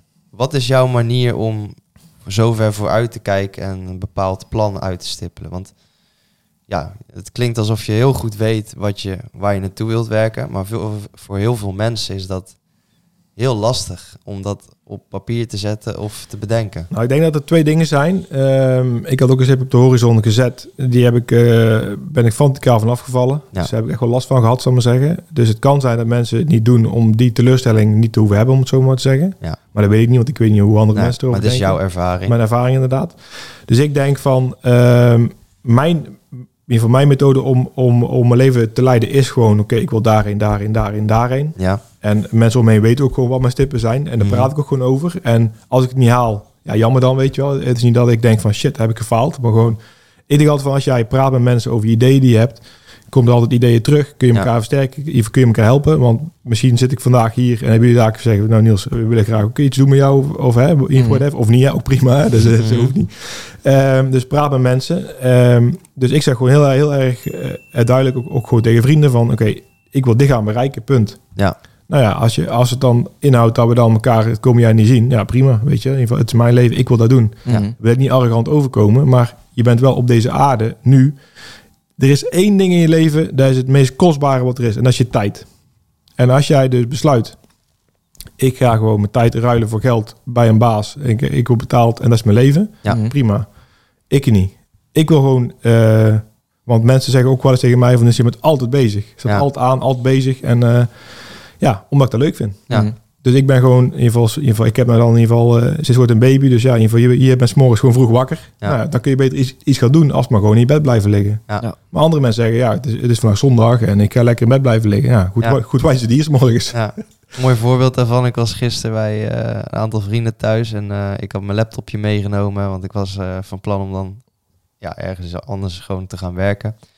En eh, hij zei zo, eh, die vriend die daar woonde, ja, ja, lekker weekend, Stef. Ik zeg, nou, weekend? Hoezo weekend? Ja, gewoon vandaag niks te doen. Ik zeg, nou, ik heb gewoon nog dingen te doen. Ja, maar het is zaterdag. Ik zeg, ja, maar zaterdag is geen weekend. En maar zo zijn mensen dus inderdaad, mensen zeggen van maandag tot met vrijdag, Ja. thuis werken, je hebt het weekend en Ja. weekend dingen doen. Ja, ik heb dat Ja. ook nooit begrepen. Nee, In ieder geval, ja goed, in ieder geval, ik ben ook altijd bezig. Ja. En dan, tuurlijk moet je wel een keer een moment eh, even rust hebben. Maar dat hoeft niet per se te zijn op zaterdag of zondag. nee, nee, nee. kan ook gewoon zijn op maandagavond of, Ja. of ik, Voor de duidelijkheid ook, wij nemen dit op om eh, op zaterdagochtend. Zondag of Zondag. Zondagochtend, sorry. We begonnen om 9 uur. Ja. Ja. Weekend, ja. Dat, Ja. eh, Nee, ja. elke dag eh, is er nog genoeg te doen. eh. Maar als jij dus iets wil bereiken, dan moet je niet hetzelfde doen als de rest. Hè? In ieder geval, ik heb dus jarenlang ben ik dus naar de Hogeschool Utrecht gegaan. Ja. In de trein, als sardientjes tegen elkaar aan. Ja, ja, ja. ja. Ik dacht, die gaat het niet horen, vrienden. Nee. Dus als jij doet wat de kudde doet, dan kom je ook niet verder als de kudde. Ja. En dat is misschien arrogant dat ik het zeg, maar zo sta ik wel in het leven. Want ik wil gewoon ja, dingen bereiken, dingen halen, dingen doen Ja. die, die ik leuk vind. Eh, en die hoef ik niet te spiegelen aan iemand anders wat die, wat die leuk vindt. Nee. Ik weet niet eens wat die leuk vindt. zo meteen. In ieder geval moet je zelf weten. In als jij elke avond in de kroeg wil hangen, ja prima. Ik vind het zonde van mijn geld en Ja. mijn energie en mijn tijd. Ja. Ieder zo zijn ding. Ja. Even nog die eh, stip op de horizon. Ja. Eén ding aan de horizon is dat hij nooit dichterbij komt. Dat is het probleem. Ja. hoe, eh, hoe ga jij daarmee om? Ehm, nou, dat is, dat is ook precies wat dus mijn coach tegen mij zei. Van, eh, je hebt je daar een stip staan en dan ben je heen aan het werken. Je, wanneer ben je nou bij die stip? Mm. Ja, weet ik het, over een jaar of twee jaar, drie jaar. Ja, maar misschien ben je er nou al. Weet je wel dat je er al bent? En toen ging ze aan me vragen van... Ja, maar was dan die stip? Ga Ja, dat maar eens uitleggen. Dat was een moeilijke vraag. Ja, Ja. En daar kon ik geen antwoord op geven. Dus ik ga daar maar over nadenken. En toen heb ik daar twee dagen over nagedacht. Ik denk, fuck, ik ben er al. Ja. Ik ben er al overheen. Ik, ik- het is klaar. Maar dat is inderdaad eh, heel lastig, ja. ja, Maar daarom is ook een stip op de horizon zetten. Dat is niet even zeggen van, eh, wup, klaar. Maar ja, goed, eh, het is een manier van leven. ja. Mm. En ook een drijfveer. Een drijfveer, ja. Ik heb dus, ik ik ben dan best wel heel veel landen geweest, over heel de wereld heen gereisd. Ja. Dan kom je in andere, andere, andere culturen. Ja, daar leer je zoveel van. Om hoe, hoe, hoe dat die mensen gewoon, of gewoon met de dag leven, met het Mm. uur leven bij spreken, weet je wel. Gewoon 15, 16 uur op een dag werken daar in Azië, weet je wel. Ja. Kom je in Amerika, daar hebben ze weer een hele andere drijfveer. Ja, en, en ja, daar heb ik wel een beetje van eh, in in gezien van als je dus iets wil bereiken, Ja. hoe het niet moet of, of hoe het wel moet. Ja. Ja, dan, Perspectief creëren. ja, perspectief creëren van ja, hoe doen anderen het, weet je wel. En, Ja. en hoe wil ik het niet doen? Want, want de les is ook van hoe wil je het niet doen? Denk, Dus- je, denk je dat Nederland een eerlijk beeld geeft van Nee, hoe werken loont? absoluut niet. Ja, Nederland is een opgeblazen economie. Ja. De, het is één grote zeepbel. Die, die, die, die ik denk die nou al aan het barsten is of, of, of die gaat barsten. ja. En als je daar niet ziet of weet als ondernemer zijnde, dan kun je er best wel last van krijgen. Mhm. Dus ik denk van, ja goed, kijk, elk land heeft wat. Hè? Want als je kijkt, kijkt in, ieder geval, in ieder geval in Amerika, Canada, heb je mensen die gewoon 15 uur op een dag moeten werken ook gewoon. Die hebben, weet ik, drie, vier banen. Ja. Eh andere kant Azië ook, hè. daar werkt ook gewoon 15, 16 uur op een dag. Wij maar 8 uur hier in Nederland. Ja. Mhm. Waarom is dat? Ook minder tegenwoordig. Oh ja, in ieder geval, eh, ik, ik sprak laatst een vriend en die zei gewoon van, eh, ja, in ieder geval we werken vier dagen in de week. Oké. Ja. Maar goed, iedereen, iedereen moet, moet het zelf weten. En als jij zegt van ik heb dan een bepaald inkomen en ik in ieder geval ik ben er tevreden mee, prima. Ja. Alleen dan moet je niet, niet eh, tegen andere mensen zeggen van waarom heb jij dit en waarom heb je zus. Dan moet je Mhm. zelf ook wel over gaan, zal ik maar zeggen. Mhm. Ja. En daar vind ik wel hier in Nederland. ehm, ja, je werkt er 40 uur in de week, of 38 uur of 36 uur, afhankelijk waar je werkt bij de overheid, bij, bij een bedrijf. Ja. Ondernemers werken er vaak meer. Eh wil niet zeggen dat het altijd efficiënt is, hè, want je hebt mensen die heel, heel inefficiënt werken. Mhm. Ik heb eh, bijvoorbeeld een vriend van mij die zegt gewoon van ik werk drie uur op een dag. Super efficiënt, super gefocust. Ja. Eh, en dan kan ik even veel doen als iemand anders die acht uur werkt op een dag. Ja. Nou, dat is een keuze die je maakt. Ja. En ja, in ieder geval, om je vraag te stellen, in ieder geval Nederland is dat een eerlijk beeld. Ik denk niet dat wij eh, op een goede manier aan het, eh, aan het leven zijn hier in Nederland. En daarom doe ik nou ook wat ik doe. Om gewoon ja, te zeggen van ik, ik doe daar niet echt aan mee aan de maatschappij. Hoe, hoe ze willen dat het- dat wordt gedaan. En eh, Ja. ja. mag je aan mijn vrienden vragen. Die zeggen van ja, je bent altijd wel averecht daarin. Ja. Mhm. Ja, dat helpt mij wel. Ja, het heeft Ja. je wel weggeholpen. Ja, ja. Eh, je, je hebt het over een zeepbel. Ja. De, de economie die Ja. eh, Ja. aan het klappen is. Of eh, anders in de komende jaren nog eh, een, grote klapper. eh. Ja, daar kunnen we lang, over discussiëren. Iedereen heeft, heeft, een andere, heeft een andere mening over. Maar ik denk niet hoe wij hier met al, alle schulden die we maken zijn in de bankenwereld. Die de allemaal printers die aanstaan. printers die aanstaan, 000 erbij heb ik. En er weer een paar schulden bij, een paar, Ja. een paar netten bij. Ja, een overheid die het helemaal aanwakkert, zal ik maar zeggen. En de centrale bank. En eh, ja, goed, in de afgelopen week zijn natuurlijk heel veel banken omgevallen. Worden wel natuurlijk allemaal weer gered, weet je wel. Ja, Ja. gaat ook allemaal weer, weer een hoop geld van onzin. Ik denk ja. Dus, dus wij maken nou een schuld die onze kinderen straks moeten gaan betalen. Ja. Denk ik, lees ik, zie ik. Ja. Ja, ik denk niet dat het slim is. Hoe En, bereid jij erop voor dan? ja, Want door als je, het als je spreiden. nu, je, hebt, je hebt een aantal bedrijven verkocht, dus dat Ja. betekent dat je dan eh, nou, wel wat kapitaal hebt. Ja. Maar dat kan nu leuk veel waard zijn, maar als dan straks alles instort, dan Ja. wordt het in één keer een heel stuk minder waard. Ja. En dan kan je er misschien in één keer niet meer ja, klopt. van blijven leven. En dat is dus de hamvraag waar ik ook dus met vrienden en bekenden over het sparren ben. Ja, wat is nu slim? Hè? Dus, dus als we dadelijk ieder geval zien, de SVB-bank is omgevallen, Credit Suisse, die, ja, goed, het wordt allemaal, allemaal wel gered en zo. Ja. En het voordeel is wel natuurlijk, als je daar geld hebt staan, wordt ook gezegd hè, van het geld eh, is allemaal veilig en eh, we gaan alleen maar de aandeelhouders eruit, eh, in ieder geval uit, uit, uit faseren. Nou, Ja. investeer dus niet in banken op dit moment. Dus dat zou ik absoluut niet doen. Dus geen aandeel in banken. Ja. Eh, maar een beetje spreiden, een beetje crypto's is, is natuurlijk nu wel een beetje naar beneden, omdat, hè, omdat eh, het sentiment is eruit. Ja. Afgelopen week ook wel weer eh, aardig gestegen. Maar Inderdaad. Dus ik verwacht wel dat daar, kijk, want als, als daar overheid komt met de CBDC's, die ze allemaal willen invoeren, Ja. denk wel dat er bepaalde crypto-munten of projecten zijn eh, die daar dus eh, een goed alternatief kunnen zijn. Want ik Mhm. zou niet graag in zo'n CBDC willen zitten. Nee. Daar eh waarschuw ik al mensen misschien jaren even voor. eh, uitleggen nog voor de mensen die niet weten wat dat is. Dat is een central bank digital currency. Dus dat wil zeggen dat er dadelijk één centrale bank komt. Een Europese, Amerikaanse of misschien maar één, één algemene bank. Ja, daar vind ik wel heel erg ver gaan. En die dus eigenlijk, waar je dus gewoon dadelijk je, je digitaal geld hebt staan. Ja. Ja. Het mooie wat misschien heel veel mensen niet weten is dat, eh, wat is een wettig betaalmiddel? Is gewoon de euro's, de briefjes, eh, digitaal geld, waar we allemaal met onze bankpas, creditcard, is geen officieel wettig betaalmiddel. Dus dat is nou ook het grootste probleem waar ze tegenaan lopen met hun, eh, met de CBDC. Dus eerst moet er, moet er een wet, of in ieder geval ja, Europese land, of hier, hier willen de wetten komen. Dat is gewoon digitaal geld ook wettig betaalmiddelen zijn. Ja. Nou, en dan als er dus een, een CBDC komt, dan heb je dus geen commerciële banken meer, dus geen Rabo, ING, maar gewoon de centrale bank. Ja. Mhm. Centrale bank, daar heb je dan een bankrekening, digitaal, waar je met je app overal kan betalen, zou ik maar zeggen. Ja. Mhm. Maar het doel daarvan is, ja goed, dan gaan we misschien een beetje in een complothoek of in, Ja. de dingen, zou ik maar zeggen. Ik weet waar je naartoe Maar gaat. dan ga je dus met, met een digitaal ID Ja. en dan ga je dus daarmee alles, al, alles samen eh, pakken. Ja. Ehm, en eh, de minister heeft al gezegd van elke 100 euro die je uitgeeft, willen wij weten waar Ja. hij heen gaat, zal ik maar zeggen. Nou, Ja. dat vind ik wel een beetje ver gaan. Ja, het gevaar ook is dat het eh, natuurlijk dan programmeerbaar wordt. En dat je dus ook kan Regels andere gaat hangen. aan gaat koppelen. Ja, Inderdaad, van op het moment dat de economie eh, eh, wat slechter draait, dat je dan zegt: Oké, er, er komt een eh, termijn waarop je dit geld moet Uit moet uitgeven. want klopt, anders ja. dan gaat de economie kapot. En op die manier word je steeds meer ingeperkt. Dat is Ja. een Ja. beetje waar, waar dus die geluiden vandaan komen. Dat, Ja. dat dat een gevaarlijk iets zou zijn. Ja, of Ja. dat ze zien dat jij eh, aparte handelingen doet met transacties en dat ze zeggen, ja, we stoppen nu gewoon je rekening. Heb ik zelf een keer meegemaakt. Ja. Ja. Ik werd toen in ieder geval, ik, kreeg, ik, ik werd gebeld door de bank. Eh, die zei gewoon van, eh, ja, we hebben een vraag. Ik zeg, een bank belt mij nooit. Hè? Want, want dan zeggen ze altijd, de bank belt nooit. Mhm. Ja, maar ik ben echt van de bank. Heb ik opgehangen. Mhm. Belt hij terug. Ja, maar ik ben, ik, ik ben echt van de bank. Ik zeg maar, gast, ik zeg, een bank belt mij nooit. Daar maak je er zelf allemaal reclame voor. Ja, Ik stuur je, je wel een mailtje, zei hij. Nou, toen wist je precies wat er op een bankrekening stond en welke transactie ik- had gedaan en Ja. het allemaal op. Mhm. Eh, en dan zei hij van, ja, ik heb vijf vragen, die moet je antwoord geven. Ik zei, ja, echt niet. Zoek het lekker uit. Hij zei, ja, dan binnen een week, anders sluiten we jouw bankrekening af. ik dacht, fuck, wat de fuck is dit? ja, Toen dacht ik wel van, hè, wat? En toen, ja goed, en toen kwam eigenlijk eh, het besef van de CBDC's en denk, ja, de macht hebben ze al en het wordt alleen maar makkelijker voor ze om dus echt gewoon mensen af te sluiten. En in ieder geval, ik heb vrienden gehad, die hebben gewoon eh, precies hetzelfde gehad. Ja.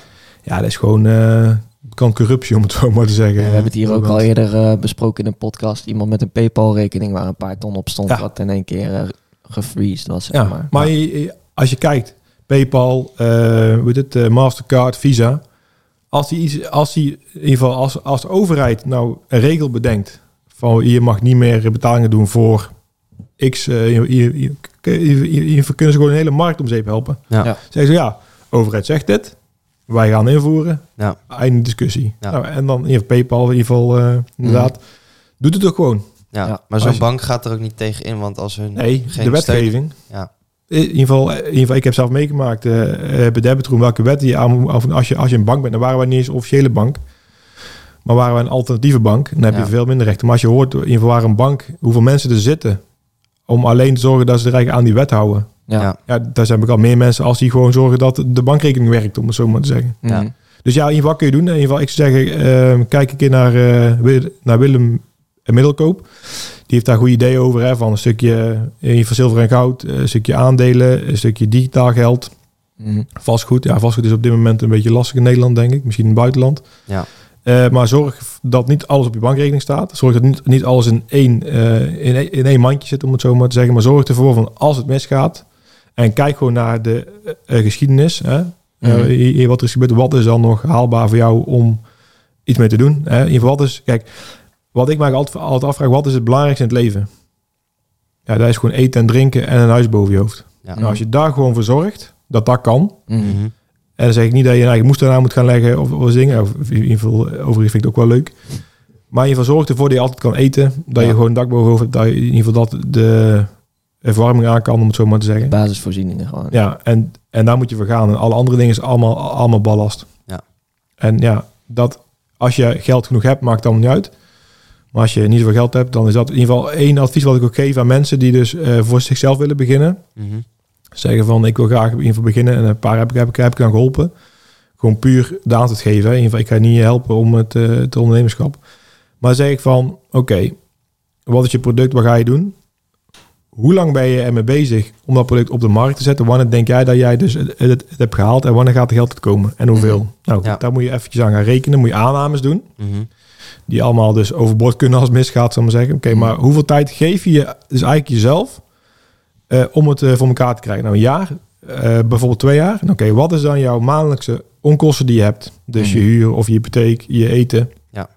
Nou, wat is dat bedrag? Doe dan maal 12 maanden, 24 maanden. Mhm. En zeg dan ook aan het einde van oké, als ik op dat punt ben, dan heb ik het bereikt. Maar als je het niet hebt bereikt, kap er dan mee. En ga je niet nog langer door. Want dan ga je alleen maar zorgen dat het eigenlijk misgaat. Ja. En dan ga je eigenlijk in de schulden werken. Ja. Ja, als je in Nederland in de schulden komt, dan eh, is het lastig. Kom je er moeilijk Ja. uit. Ja, heb ik geen ervaring mezelf, maar ik, heb, ik ken wel mensen die, die het hebben gehad en daar word je niet vrolijk van. Het is grappig dat je dat zegt, want met je eigen dromen en doelen heb je dat eigenlijk niet gedaan. Waardoor je het dus jezelf ook wat moeilijker hebt gemaakt. Ik heb het later pas geleerd. Ja. En, en nu, wat ik nu doe, ga ik dat wel doen. Daar heb ik, eh, ja, daar heb ik eh, een paar jaar geleden allemaal... eh, ja, in ieder geval bij de eerste heb ik er echt wel ook, ook echt, echt last van gehad. En daarom, kijk, in ieder geval daarom, in ieder geval, jullie vroegen mij, in ieder geval, in ieder geval vond ik hele eer. Ik dacht, ja, ik moet nou over mezelf gaan vertellen, dat doe ik niet zo graag. Ehm, want ik vind niet dat ik moet bepalen hoe iemand iets doet. Nee. Mhm. Maar ik kan wel uitleggen wat ik zelf heb meegemaakt en hoe ik daarmee omga. Mm. Ja, En dan moet je zelf maar kijken van of je het iets vindt, ja of nee. Ja. En dan zeg je van Niels, hey, succes ermee. Ik zeg, oké, prima. Maar als ik je kan helpen, help ik je graag.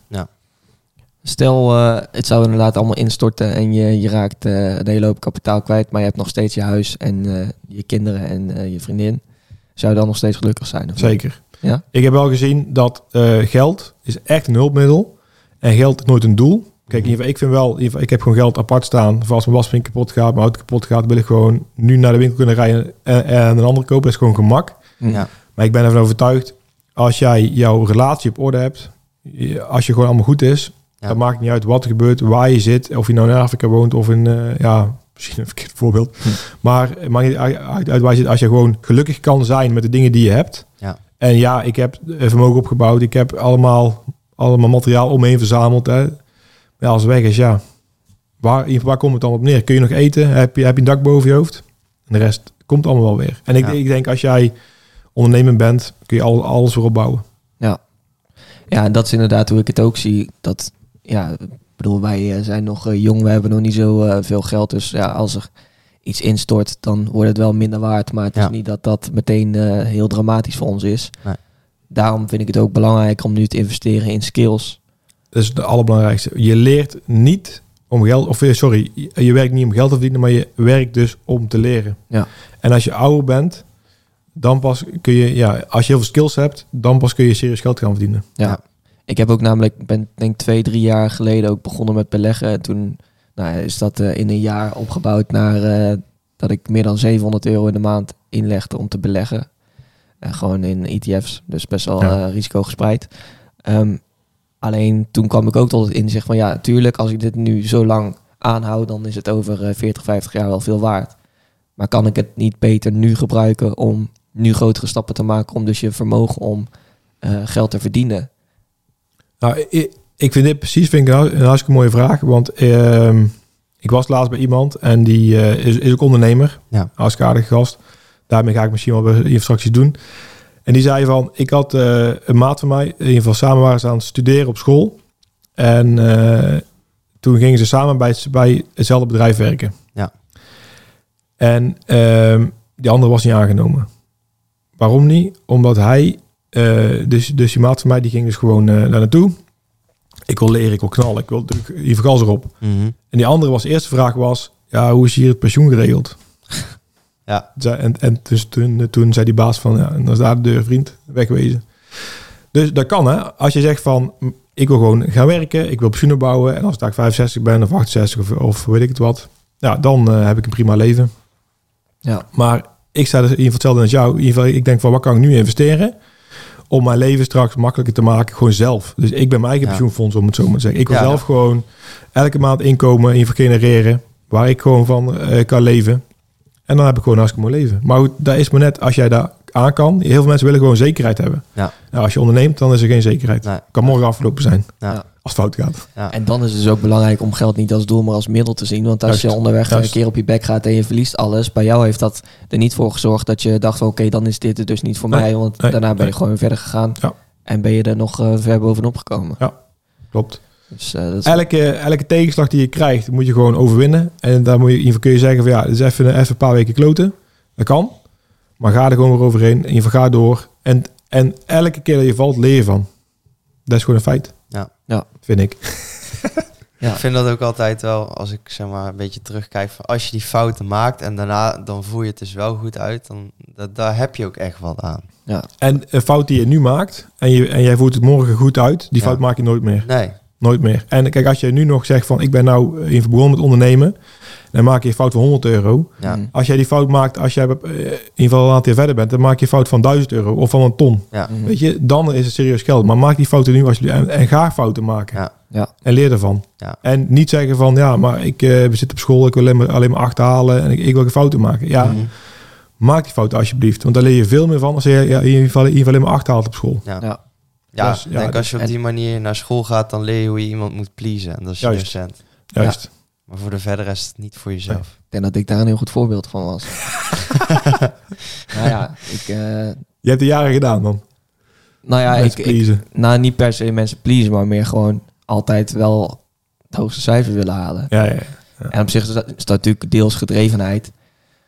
En niet per se om anderen te pleasen, maar ook gewoon voor mezelf. Plus, ik hoefde er niet eh, uren per dag aan te zitten om dat eh, te doen. Maar toch eh, gewoon altijd wel die hoge cijfers willen halen. Dat zat er wel in. En falen. Ik heb eh, één onvoldoende gehaald in de hele middelbare school. Dat vond ik wel echt heel kut. Ja, Maar Ik dus, wil iets meer. ja ik maar wel. dus, maar dus dan dat falen op dat moment Ja. komt dan veel harder aan dan Ja. als je 20 onvoldoendes per jaar haalt, zeg maar. Ja. Ja. En eh, dus daarom het falen. Het is niet dat ik faalangst heb, maar ik vind het wel nu nog steeds heel kut. Terwijl als je het gewoon vaker ja. hebt gedaan, vaker faalt, dan wordt die impact per keer dat je faalt natuurlijk ook steeds minder. Ja. Dus dat is eh, iets wat ik ook wel vaker heb gezegd, ook in de podcast. Van, je kan het ook eh, je perspectief verschuiven naar ik ben zoveel keer het antwoord nee verwijderd van dus de ja. Ja. Dus dan kan je beter naar achter die eh, of zoveel mogelijk nee's eerst pakken. Ja. Want anders dan kom je niet bij de ja. Mhm. En dat is natuurlijk een makkelijk perspectief, maar om het dan ook daadwerkelijk te doen, dat is Ja, dat is het tweede inderdaad. Maar als jij dus inderdaad onderzoek gaat doen in de markt eh, of jouw product werkt ja of nee, dan krijg je eerst honderd keer een nee. Mhm. En dan pas een keer een ja. Maar als jij, daar, als jij dus naar, de, naar telefoon 10 zegt, ja, nou stop ik ermee, Mhm. dan kom je nergens. Nee. Je moet eerst een hoop nee's incasseren, je, jouw eh, plan bijstellen, bijschaven, een ander belscript maken Ja. die beter werkt, zal maar zeggen. Je product bijschaven. En dan pas kom je op een gegeven moment ergens waar je wil zijn. Ja. Maar als jij na de eerste nee of de achtste nee zegt van ja, ik kap ermee, ja, dan, dan kom je er niet. Nee. Ja. Maar je, je- precies wat je zegt, want ik was echt op de HBO, jongen. Ik heb echt daar wat ik daar allemaal gedaan heb. weet ik ook niet meer. Maar in ieder geval, ik had, op een gegeven moment hadden wij her, eh, in ieder geval herkansingen. Ja. Ja, die heb ik wel vaak, eh, vaak ook de her, de her van de her heb ik vaak moeten doen. Ja. Maar op een gegeven moment hadden wij van, oké, het is dus in ieder eindexamenweken. We moeten allemaal examens doen, weet je wel. Of in ieder geval eh, allemaal tentamens doen. Toen waren wij dus, dus een week te laat. dus we stonden daar maandag, weet je wel. eh, stonden wij daar en toen waren er andere, andere tentamens. En toen Ja. eh, zeggen we van, oh shit, voor mij, eh, hè, even kijken naar de agenda, weet je wel. Oh, dat was vorige week. Vorige week. En stonden we daar met z'n tweeën te lachen, met z'n tweeën, weet je wel. eh, Mhm. En stond iemand, ja, maar het is balen voor je dat je het dan eh, niet hebt gehaald. Ik zei, ja, moet je kijken hoe we het dan gaan halen, weet je wel. Ja, moet Ja. ja. geen reet, weet je wel. Ja. Maar als jij dus zo gefocust bent om ja, die, die simpele doelen te halen, dan zul je nooit het hoofddoel kunnen halen. Mhm. Vind ik een mooi gezegd. Mijn mening. Ja. Ja. Blijf ik erbij zeggen, het is allemaal mijn, eh, Ja. mijn interpretatie van het leven. Ja, maar zo, daar, daar is deze podcast ook voor bedoeld om eh, de, de lessen er zelf uit te vissen Ja. natuurlijk. Ja, Dus ja. eh, we, sp- we spreken een hele hoop verschillende mensen. En eh, het kan ook zijn dat je hier twee conflicterende perspectieven Zeker. hoort. Maar dan is het ook maar aan jou om dan te kijken van oké, wat, wat, wat kan ik hier uithalen? Ja. Ja. En eh, nou, in jou- jouw geval gaat het dan over IT, de bedrijven ook. Maar de lessen zijn wel iets meer generaliseerbaar. Maar het kan ook zijn dat dat voor een hele andere business tak Mhm. totaal anders geldt. Zeker. Maar over het algemeen de dingen die we vaker terug horen zijn bijvoorbeeld ook weer dus dat ehm, eh, valideren dat dat het allerbelangrijkste Ja. is. Ja. En dat je dat zo vroeg mogelijk moet doen, omdat je anders gewoon tijd en dus inderdaad ook geld, Geld. Aan, het, eh, aan het weggooien bent zonder... Kijk, dat is, dat is eerder echt gokken dan het ondernemen. Ik had, eh, toen wij begonnen eh, met het bedrijf Debit Room, toen hebben we gekeken naar onze collega's, zal ik maar zeggen, hoe ze het doen. Ja. En dan weet ik gewoon van een paar partijen die gewoon zitten puur alleen maar op online marketing. Mhm. Marketing, dat kost gewoon tonnen per maand. Ja. Wij dachten van, nou oké, eh, dat geld hebben we niet. Dat willen we ook niet gaan aantrekken daarvoor. Dat willen we niet gaan wegpissen, noemen ze dan hè, in, de, Mhm. in de, de investeringsmarkt. Want dan ga je goed kijken, oké, als ik dan dit probeer, weet je wel, dan komt er dit uit. En dat Ja. is een heel lang proces. Maar wij dachten van, oké, hoe kunnen we dat dus het online marketingstuk eh omzeilen? Dat is om partnerships aan te gaan met mensen die dus eh, die klanten hebben. Ja.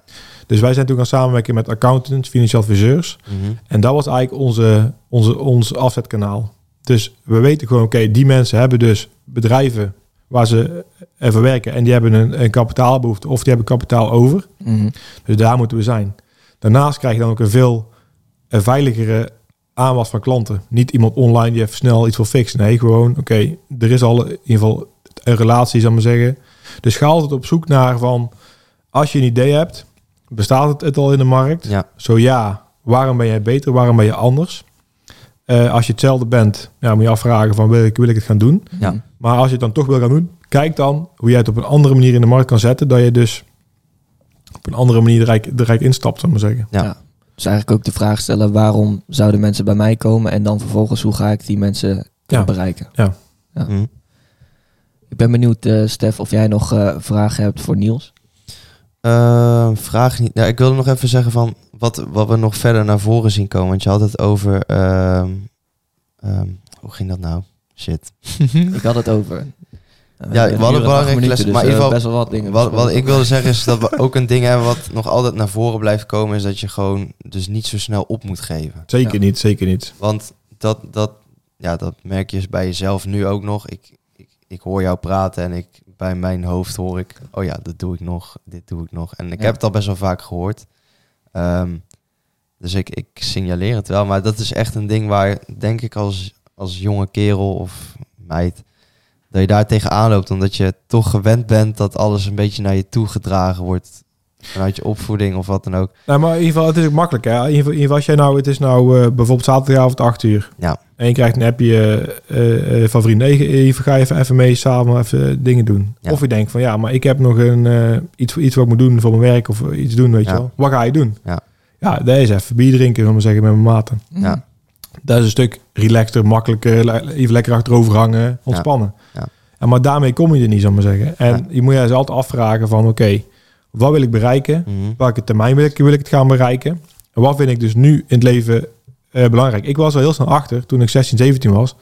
Toen hadden wij in bij ons in het dorp een vriendengroepje, weet je wel. Daar gingen we altijd ook mee dingen, eh, eh, ook altijd overal naartoe. Mhm. Ik dacht, ja, dit is niet mijn leven. Ik wil ja, in ieder geval hartstikke aardige gasten. Mhm. En nog steeds ken ik ze allemaal goed. Maar ik wil niet elke week... eh, ik heb toen een keer de rekensom gemaakt. Ja, elke keer als ik over begin zeggen mensen... Ik ben Niels, hou je mond dicht. Ja, Maar heel simpel. Als jij dus elk weekend... Je bent 18 jaar. Ja. En je gaat elk weekend... Donderdag, vrijdag, zaterdag, zondag... Weet ik het. 100 al maak je maar 100 euro op in een weekend. Reken maar uit. Ja. Hoe, Mm. Hoeveel geld er is. dat is veel geld. Nou, en de- als je dat geld dus investeert in jezelf, in je skills... Ja. Of in een bedrijf die, die je op gaat zetten... Mhm. Dan verdien je zoveel meer. En dan, ja goed. En dan is de vraag... Is dus geld verdienen dan jouw, in ieder geval jouw drijfveer? Maar, maar bij mij was het toen nog wel. En nu is het van... Oké, kan ik dus, dus met de geld gewoon een ontspannen, relaxed leven leiden? Ja. Als je Ja. zegt van ik wil nou op vakantie gaan, oké, waar gaan we naartoe? Niet van, oh shit, eh, hoe gaan we het doen? Mhm. Ik heb bijvoorbeeld eh, een paar weken terug zat ik met eh, twee vrienden van mij. Ehm, en we zeiden van ja, want ik heb een paar keer meegereden met de Garbage Run. Dat is, mijn oude barrel rondrijden door het Oostblok of door Scandinavië of, of net waar dan ook. Zeiden van oké, dat willen wij doen, maar eigenlijk zelf. Nou we, we zijn met z'n drieën, moeten mensen bij vragen. Zei oké, dan vragen we on- onze vaders mee. Hm. Dus, dus, dus, dus wij gaan volgend jaar januari gaan wij met, met drie auto's, wel even een paar kopen. Hm. Eh, en met onze vaders, met z'n, eigenlijk met z'n zessen gaan we gewoon een hartstikke mooie route rijden. Ja. En we weten nog helemaal niet hoe precies, en je, je weet wel de eindbestemming, Ja. maar hoe we het gaan doen weten we niet. Maar dat maakt het niet uit. We willen gewoon, in ieder geval, in ieder geval dat is eigenlijk nu de stip op, dat de vlak, horizon. op de horizon. Ja. Dat gaan we doen. En we zien wel hoe we er komen. Het is eigenlijk een beetje symbolisch bijna voor, eh, Ja. voor hoe het ondernemen ook is gegaan. Ja. Inderdaad. Maar daarnaast is het ook wel handig om het ook weer even in perspectief te zetten. Want we hebben het nu over jouw hele weg als ondernemer. Maar dat gaat ook over een periode van 18 jaar inmiddels. Ja, 18, nee, ik ben nu 36 jaar. Ja. Net 36 jaar. Dus eh, zeg maar, we hebben het ook gehad over dat je dan je bedrijf hebt gekocht, of verkocht, bla bla bla. Ja. Maar je eerste bedrijf hebt verkocht in 2018, maar je eerste bedrijf ben je begonnen in 2005. Ja. Dus daar zit ook nog Ja. 13 jaar tussen. Ja. Klopt. En ja, die 13 jaar ondernemerservaring, daar zijn we nog lang niet. Nee, nee, nee. Dus dat is voor Nee. ons natuurlijk, klinkt dat ook meteen allemaal mooi. En een exit maken en bla bla bla. Maar wij zitten daar nog zo ver vanaf dat we daar eigenlijk nog niet eens mee bezig zouden hoeven Nee. te zijn. Nee, maar ik denk ook gewoon, in ieder geval, ik kan je nou eh, eh, nog uren in verlullen hierover, zal ik maar zeggen. Maar je moet het gewoon, gewoon, gewoon zelf meemaken. En, Ja. en misschien maar 10% wat ik zeg, denk je van, oké, daar is net op mij persoonlijk. Ja. Neem daar mee. En van al die andere mensen die ik gesproken, neem er ook mee. En ga zelf aan de slag. En ga op je Ja. bek. En het kost geld. En ja, doe Ja. het gewoon. En eh, ja, zorg dat je dan de stip hebt waar je heen wil gaan. Ja. Wat, is in het- wat vind jij nou zelf belangrijk in het leven? Wat wil je voor elkaar krijgen? Ja. Ja. En sommigen zeggen van, ik wil gewoon een leven leiden. Ik wil op zaterdag naar de voetbalclub gaan. Ik wil dit doen. Ik wil een paar kinderen. Ik wil een huis. Ik wil in ieder geval een vrouw hebben. Of een man hebben. Nou, prima. Maar zoek zelf uit wat je wil. En kijk niet naar de rest Ja. Mm. doe wat je zelf wil. Ja. En dat klinkt dan heel arrogant en hè, van ja, in Mhm. ieder geval, ik wil niet in de maatschappij passen, ik wil dit en zus. Maar de maatschappij ben je zelf. En doe wat jij zelf leuk vindt om te doen. Ja. Ik heb, ehm, ik ben nou ook heel erg op zoek naar van waarom heb ik bepaalde trekjes. Hè? In- Waarom heb ik, ik kan bijvoorbeeld, ehm, als ik bijvoorbeeld, ja, heel stom voorbeeld, ik stap in de auto, wil ik altijd zelf rijden. Ik wil zelf in controle zijn. Mhm. Ik heb ook mijn eigen leven heb ik zelf in controle. Ik, ik laat me niet afleiden door andere mensen, zal ik maar zeggen. Dus ik Ja. was bij eh, een vriend van mij. En die gaat ook deze podcast luisteren. Had hij al gezegd. Die Hm. woont in, eh, in Riga, in Letland. En die is daar opleiding piloot gedaan. Oké. Die heeft nog een tijdje eh voor mij gewerkt. En we zitten elkaar altijd uit de dagen, weet je wel, aan te doen. Ja. Dus ik, dus ik had tegen hem gezegd, ik zeg van als jij nou ooit een keer piloot wordt, en ik dacht, ik ga die toch niet halen. Want uh, altijd is hij daarmee bezig. Hij is ooit als bioloog opgeleid en uh, dingen. Dus, Ja. Mhm. Maar dat is ook, hij is ook een perfect voorbeeld van... Die heeft ooit toen hij een jaar of twaalf was, ik wil piloot. Ja. Nou, hij heeft allemaal omzwermingen gedaan. Hij, heeft, dus, hij is bioloog geweest. Hij heeft eh, in ieder geval bij ons in die steek gewerkt en zo. Ja. Uiteindelijk belde hij hem op. Hij zei, Niels, ik heb mijn, mijn papier gehaald. Ik zei, daar kom ik eraan. Dus ik stap het vliegtuig naar hem toe. Ja. En in ieder geval, ik heb dus, dus daar zelf een paar uur gewoon echt ook gewoon eh, ja, iets kleiner vliegtuig gedaan. Want hij heeft natuurlijk in ieder geval in een grote kist mag hij vliegen. Ja. Mhm. Heb ik daar rondgevlogen. En hij zei ook tegen mij van Niels, ja, waarom ben jij, ben jij zoals je bent, zal ik maar zeggen. Ja, Ja. toen heeft hij mij wel echt aan het denken gezet van... Ja, waarom heb je dan bepaalde eigenschappen, bepaalde skills, bepaalde trekjes, zal ik maar zeggen. Want iedereen is natuurlijk anders en Mhm. iedereen eh, moet ook anders zijn. Ja, en dan ga je wel een zoektocht op van, oké, waarom kan ik niks uit handen geven? Waarom wil ik altijd in controle zijn, zal ik maar zeggen. Ja, en dan kom je toch wel uit inzichten van jezelf, die ook weer verder helpen naar een ander niveau te gaan met Ja. jezelf. Ja. En dat is gewoon, ja, dat, dat, dat is een veel mooier leerproces als alles wat je op school leert. Mhm. Ja. Want dan leer je dat niet. En ook dat is inderdaad, dan kan je sturen op dingen die echt van jou zijn en bij jou Van passen. zijn. Ja. In plaats van wat zou moeten werken. Wat de maatschappij vindt dat jij zou moeten zijn. Ja. Ja. En wat ook daarin terugkomt, is dat je wel bepaalde eigenschappen hebt die natuurlijk wel helpen met de kans vergroten om succesvol te worden Ja. als ondernemer. Ja. Dus niet afgeleid raken. Nou, dus in deze tijd nog moeilijker dan toen jij begon. Maar als het ook al in je eh, zit, dan... ik heb geen Facebook, ik heb, geen, eh, ik heb helemaal niks. Ik, ik wil allemaal daar niet weten of zien ik zeggen, hoe andere mensen leven leiden. Ik leef mijn eigen leven. ja. Daar raak ik niet door afgeleid. Nee, en heel veel mensen tegenwoordig wel. En dat Ja, zorgt er dus ook al voor dat het meteen veel moeilijker wordt om inderdaad elke dag bezig te zijn om dus een stapje richting die horizon te zetten. Ja, maar als jij dus in ieder geval in je, open LinkedIn, of eh, ja, trouwens LinkedIn vind ik dan nog meevallen, maar eh, bijvoorbeeld Instagram of eh, YouTube. Ja. En je hebt allemaal mensen die allemaal zeggen hoe het moet. Hè? Van je moet dit en dan binnen anderhalf jaar miljonair en Ja. dikke Porsche en een Ferrari, weet allemaal wat. Ik denk, ja, het zal wel. Want je weet Ja. helemaal niet wat achter die verhalen zit. Nee, en vaak Dat de gasten die dat zeggen, die hebben het ook niet. Ook dat. Want dan is Dus- het allemaal geleend, geleased, weet ik allemaal wat. Dus Ja. je weet niet... In ieder geval, ik vind ook, eh, eh, ook wel leuk, weet je, als je dus kijkt... Ik heb gewoon een oude auto Mm. en die rijdt prima. Ja. Ja. Hij gaat van A naar B. A naar B. En ik vind dat prima. Ja. Maar ik heb ook een aantal vrienden die hebben allemaal een leasewagen. En dan moet ik altijd horen, ja, ik heb die optie, die optie, die optie, weet je wel. Ik Ja. zeg, maar hoeveel bijtelling betaal jij? Ja. Ja, ik zeg, ik niks. maar dat is me net hoe je dus in ieder geval, als je zegt van, ja, ik wil gewoon, een- gewoon een, een dikke wagen rijden, in ieder geval in ieder geval een nieuwe wagen rijden. En ik ben bereid om daarvoor een stukje eh, salaris in te leveren en een stukje bijtelling te betalen. Prima. Ja. Maar ik niet. Maar is ook weer waarom? Waarom rij je die auto? Klopt. Ja. Is die om van A naar B te gaan? Of wil je op Wil je andere laten mensen zien- flexen? En Ja, wil je laten zien dat je dus in ieder geval rijdt. Maar in ieder geval, als je wel eens in ieder geval eh, op de weg rijdt en je staat er ergens in de file en je kijkt om je heen. Ja, dat is een leasewagen, dat is een lease- leasewagen. Nou, Ja. prima, want, eh, want die mensen hebben niet het geld om ding te kopen, maar die willen het wel rijden. Nou, prima. Mhm. Ja. Maar ja, je betaalt best wel serieus geld. En als je, als je zelf ondernemer bent en je gaat een leasewagen nemen, Ja.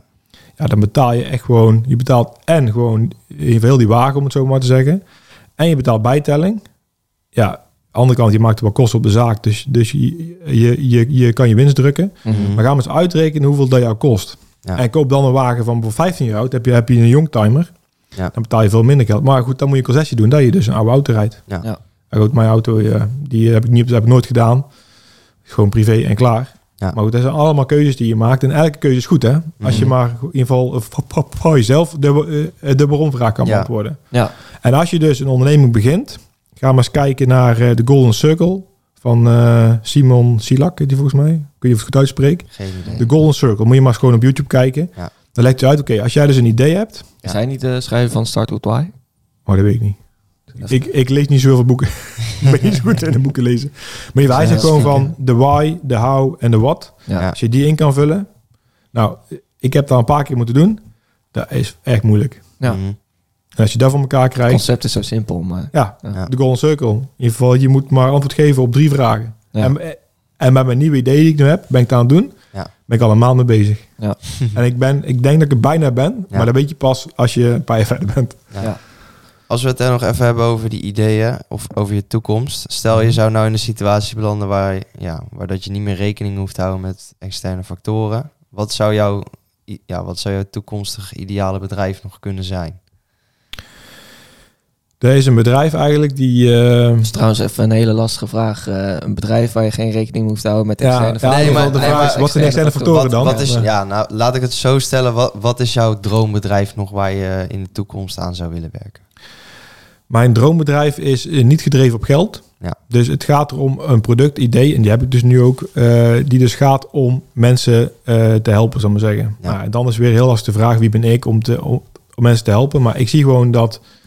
ehm, laat ik het dan kort uitleggen. Mhm. Ik, heb, ik ben mijn huis aan het bouwen. Ja. En ik woon in een doorgaande straat die ons dorp in en uit gaat. Dus eigenlijk iedereen die in een dorp eruit gaat, rijdt bij mij door de straat. En ja, iedereen, maar wel veel.